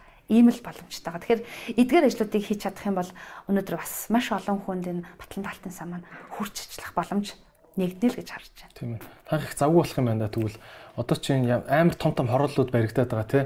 Ерөөс богдуулыг ингээ оргоод хорлол баригдаад эхэллээ шүү дээ тий. Тэгэхээр чинь ипотекийн зээлэнд орж байгаа хүмүүс маш олон хүн барьцаа хөрөнгөхгүй. Ер нь бол яг энэ дээр болохоор бид болоо зүгээр энэ ихтэй хувь алтан чингийн бодол шүү. Энийг ямар нэгэн засаг болон яамны байр суурин дээр битээ авч үзээрэй. Аа яг л зорилттой бүлгийн буюу эмч, совилогч, онцгой байдал цэрэг цагдаач гэдэг юм те. Энэ төрийн төлөө одоо маш ихээр зүтгэж байгаа залуу үе байж штэ. А тэгээд анх удаага одоо яалтчгууд нөгөө нэг гэр хороолол ташаа байшинд амьдарч байгаа хүмүүс маань ингээд орон сууцчлах үйл ажиллагаанд зорилттой бүлэгтээ хүрвэл илүү чухал ахаал гэсэн ийм ер нь бол хувь миний хувьд бол ийм бодолтой байгаа. Гэтэ мэдээж энэ маань одоо дахиад олон төрлийн судалгаанд орж ирээд ямар сегментэд ямар хүмүүст хүрэх зүйтэй вэ гэдэг асуудал бол тусдаа гарч ирэх байх. А ер нь бол ийм зорилго тавиад ажиллаж байгаа. За тэгээ батлан даалтын сангаа бол бас ирээдүйдээ бол бид одоо гадагшаа 2 3 орн руу хүсэлт илгээсэн байгаа ингэж чадах юм бол одоо тэр гэрээ хэлцлүүд амжилттай байж чадах юм бол экспортод чиглэсэн одоо аж ахуй нэгжүүдэд бас дэмжиж тийм ээ тэдгэрийн Монголоос одоо гадагшаа гаргадаг маш олон төрлийн бүтээгдэхүүнүүд идэг. Тэдгээр бүтээгдэхүүн үйлдвэрлэгч нарыгаа бас батланда алттай зээлд хамруулж бүтээгдэхүүнийг нь үйлдвэрлэх бас юм нэг бүтээгдэхүүн судлагдаад явж байна. За эмгтэй зээлдэгч нарт эмгтэй бизнес эрхлэгч нарт зориулсан бас нэг хүүн арай жоохон бага тийм ээ. Хэрвээ манай одоо хүү ихс байдаг бол эмгтэй бизнес эрхлэгчдийн 8 ч байдаг юм уу? Бас судалгааны ажилтаа явагдаж байна. Энэ 21 онд бид ч бас зөвхөн банк 5 банктай харьцдаг байсан бол 6 болоод дээрэс нь нэмэх нь 2 банк бас санхүүгийн байгууллага ороод ирсэн. Энэ маань болохоор 80 хүртэлх сая төгрөгийн үндсэн батлан даалтыг буюу тухайн банк бас санхүүгийн байгууллагын хүүн дээр нь одоо батлан даалт 80 хүртэлх саяын одоо таны нөгөө төрөний хэлээдсэн шүү дээ. Банкны шалгуур зүйлийг хангахгүй байгаа усуд чинь банк бус санхүү дээр явж идэг. Тэгэхээр тэр хүмүүс маань бас барьцаа өрнгийн дутагдал үүсэж бас л хямардаг. Тэгвэл бид тэрэн дээр нь батлан даяа. 80 хүртэлх хувийн биш 80 хүртэлх сая төгрөний зээлэн дээр. Ер нь бол гарааны стартапуудад бол ихэвчлэн дундаж тооцоог нь үзэхэд бол нэг 50 60 саятаагаар юм эхэлдэг юм байна. Аа яг тэдгэрийн байгаа барьцаа 30-аар л эхэлж ирсэн. Яг тэгж байгаа биз? Тий, яг тэгдэг. За тэгэхээр тэдгэрийн байгаа барьцаа хөрөнгө нь яг одоо бор зөрхөөр ингээд нэг 2 өрөө байр гэхэд тэр нь зах зээлийн ханшаар батхоор 65 сая төгрөг тэрийг нь нөгөө банк бус санхүү нь 30 саяар үнэлцдэг. А тэгээ эргээ тэр нөхөр чи өөрөө дахиад нэг 60 саяын зээл авчмаар байдаг. Тэгвэл манайх одоо энэ үд халгыг нээж энд бол одоо Транс Капитал, Инвесткор гэдэг хоёр банк санхүүгийн ер нь бол Монголын бас томоохон банкнаас дутуугүй Инвесторч мангар том шүү дээ. Том олон сүлжээтэй салбар байгууллагатай ийм хоёр банк санхүү бол манай дээр одоо хамтран ажиллаж байгаа. Одоо энэ подкастыг сонсоод яаж бизнесээ эхлүүлэх вэ? Банк ингээд шалгуур үзэлтэй хангахгүй байна а гэж байгаа залуучууд байх юм бол та бүхэн бас энэ энэ хоёр банк бас санхүү дээр манайх бол одоо батлан даалт гаргах ийм боломжтой байгаа гэдгээ энэ завшааны тохиолдол нь бас хэлмээр байна. Энэ бол одоо яг ажил болцсон зүйл шүү дээ. Ажил болцсон. Ерөөсөө ажил болцсон одоо Инвескор Транскапитал дээрэс нь голом танк нэмэгдээд өөрөөр хэлбэл 21 онд бид нар ч одоо бас овоо хөрөх ажил хийчихэд сууж штэ. Одоо гаргах мөнгө нь байна. Авах зээлдэгч нар маань одоо манай Батлан даалтын сангаар үйлчлүүлээрэ бид бол одоо Ази хөгжлийн банкныхаа зээлэг болоо одоо сайхан ингээд хүмүүстэй хүргмээр байна. Бас нэг хэсэг бизнес эрхлэгч залуучууд маань гэсэн үйлдвэрийн байртаа болох тийм ээ. офистай болох. Энэ боломжгүй талгыг бол нээхэд нээж өгөхөд бол бид одоо бэлэн сууж байна л гэж хэлмээр. Nice. Баярлалаа. Аа одоо нөгөө Азийн хөгжлийн банк гэдэг ярив те. Азийн хөгжлийн банк, EBRD энтер гэл ингээл юм гадны банкны нэрс дэлхийн банк ч юм мэдгүй юм. Гадны банкны нэр сонсогдохоор ягаад ч нэг юм нэг юм Монгол компани төр шаардлагыг хангахгүй юм шиг нэг юм санагддээ шүү дээ шууд. Надад л зүгээр нэг юм голомт банкны зээл гэдэг хэлэн те. Тэр нэх арай амархан юм шиг санагдаад байгаа байхгүй зүгээр. Энэ зүгээр буруу ойлголт уу? Буруу ойлголт маш буруу ойлголт. Юм гадаадын юм англи хэлээр материалаа бүрдүүлэх ёстой юм шиг санагдаад идэв шүү дээ. Яг над ойлголт ч одоо сая бид нар ингээд судалгаа хийж хахад манай Батлан талтын сан Азийн хөгжлийн банкт эдбитэ ажилтдаг гэж яриа гарсан чинь Гонконг төвтэй юм бэлээ. Зээл чинь Гонконг руу очиж судлагддаг гэж хүмүүст буруу ташаа ойлголт хүртэл хүмүүсийн дунд гарсан яг одоо өөрөөр хэлбэл нөгөө миний мэдрэмж бас сонсон л үү та та яг л мэдчих асуулаа. Үнэхээр бүр яг ингээд нөгөө нэг хүн хэдий ч нэ мэдхгүй хэдий ч нэ нөгөө төөрч будилж буруу замаар явдаг байгаа байхгүй.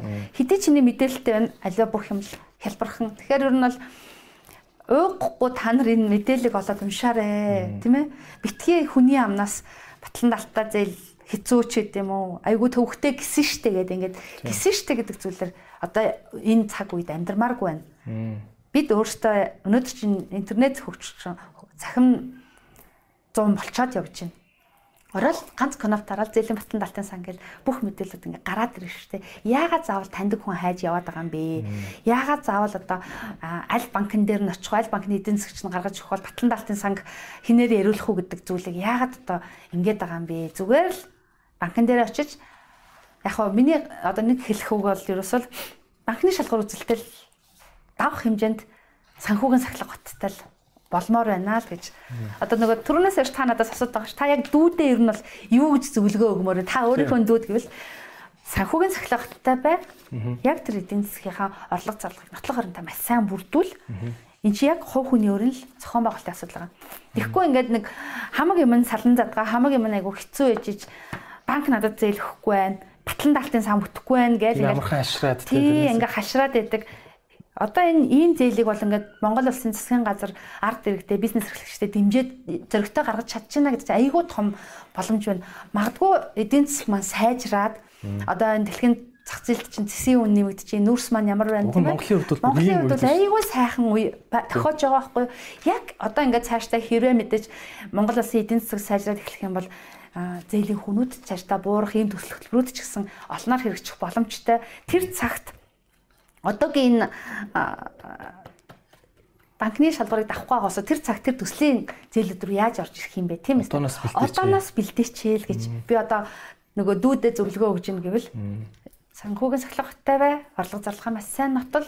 А дансаар мөнгөө гүйлгээгээ хийж бай битгий тэр нөгөө нэг одоо татвараас нуугдаж тэр нөгөө орлого зарлага касаар гаргаж хоёрын хооронд тэмнэлт хийх гэж ийм сайхан боломжуудаас хоцрох тийм ээ. Одоо улсын төсөл хөтөлбөрийн ер нь бол энэ зээлүүд чинь бол ер нь бол яг л тэр данс эдрээр дамжсан орлого нотлогдсон зүйлүүд байвал бүр хэлбархан хурдан олгогдох боломжтой байдаг.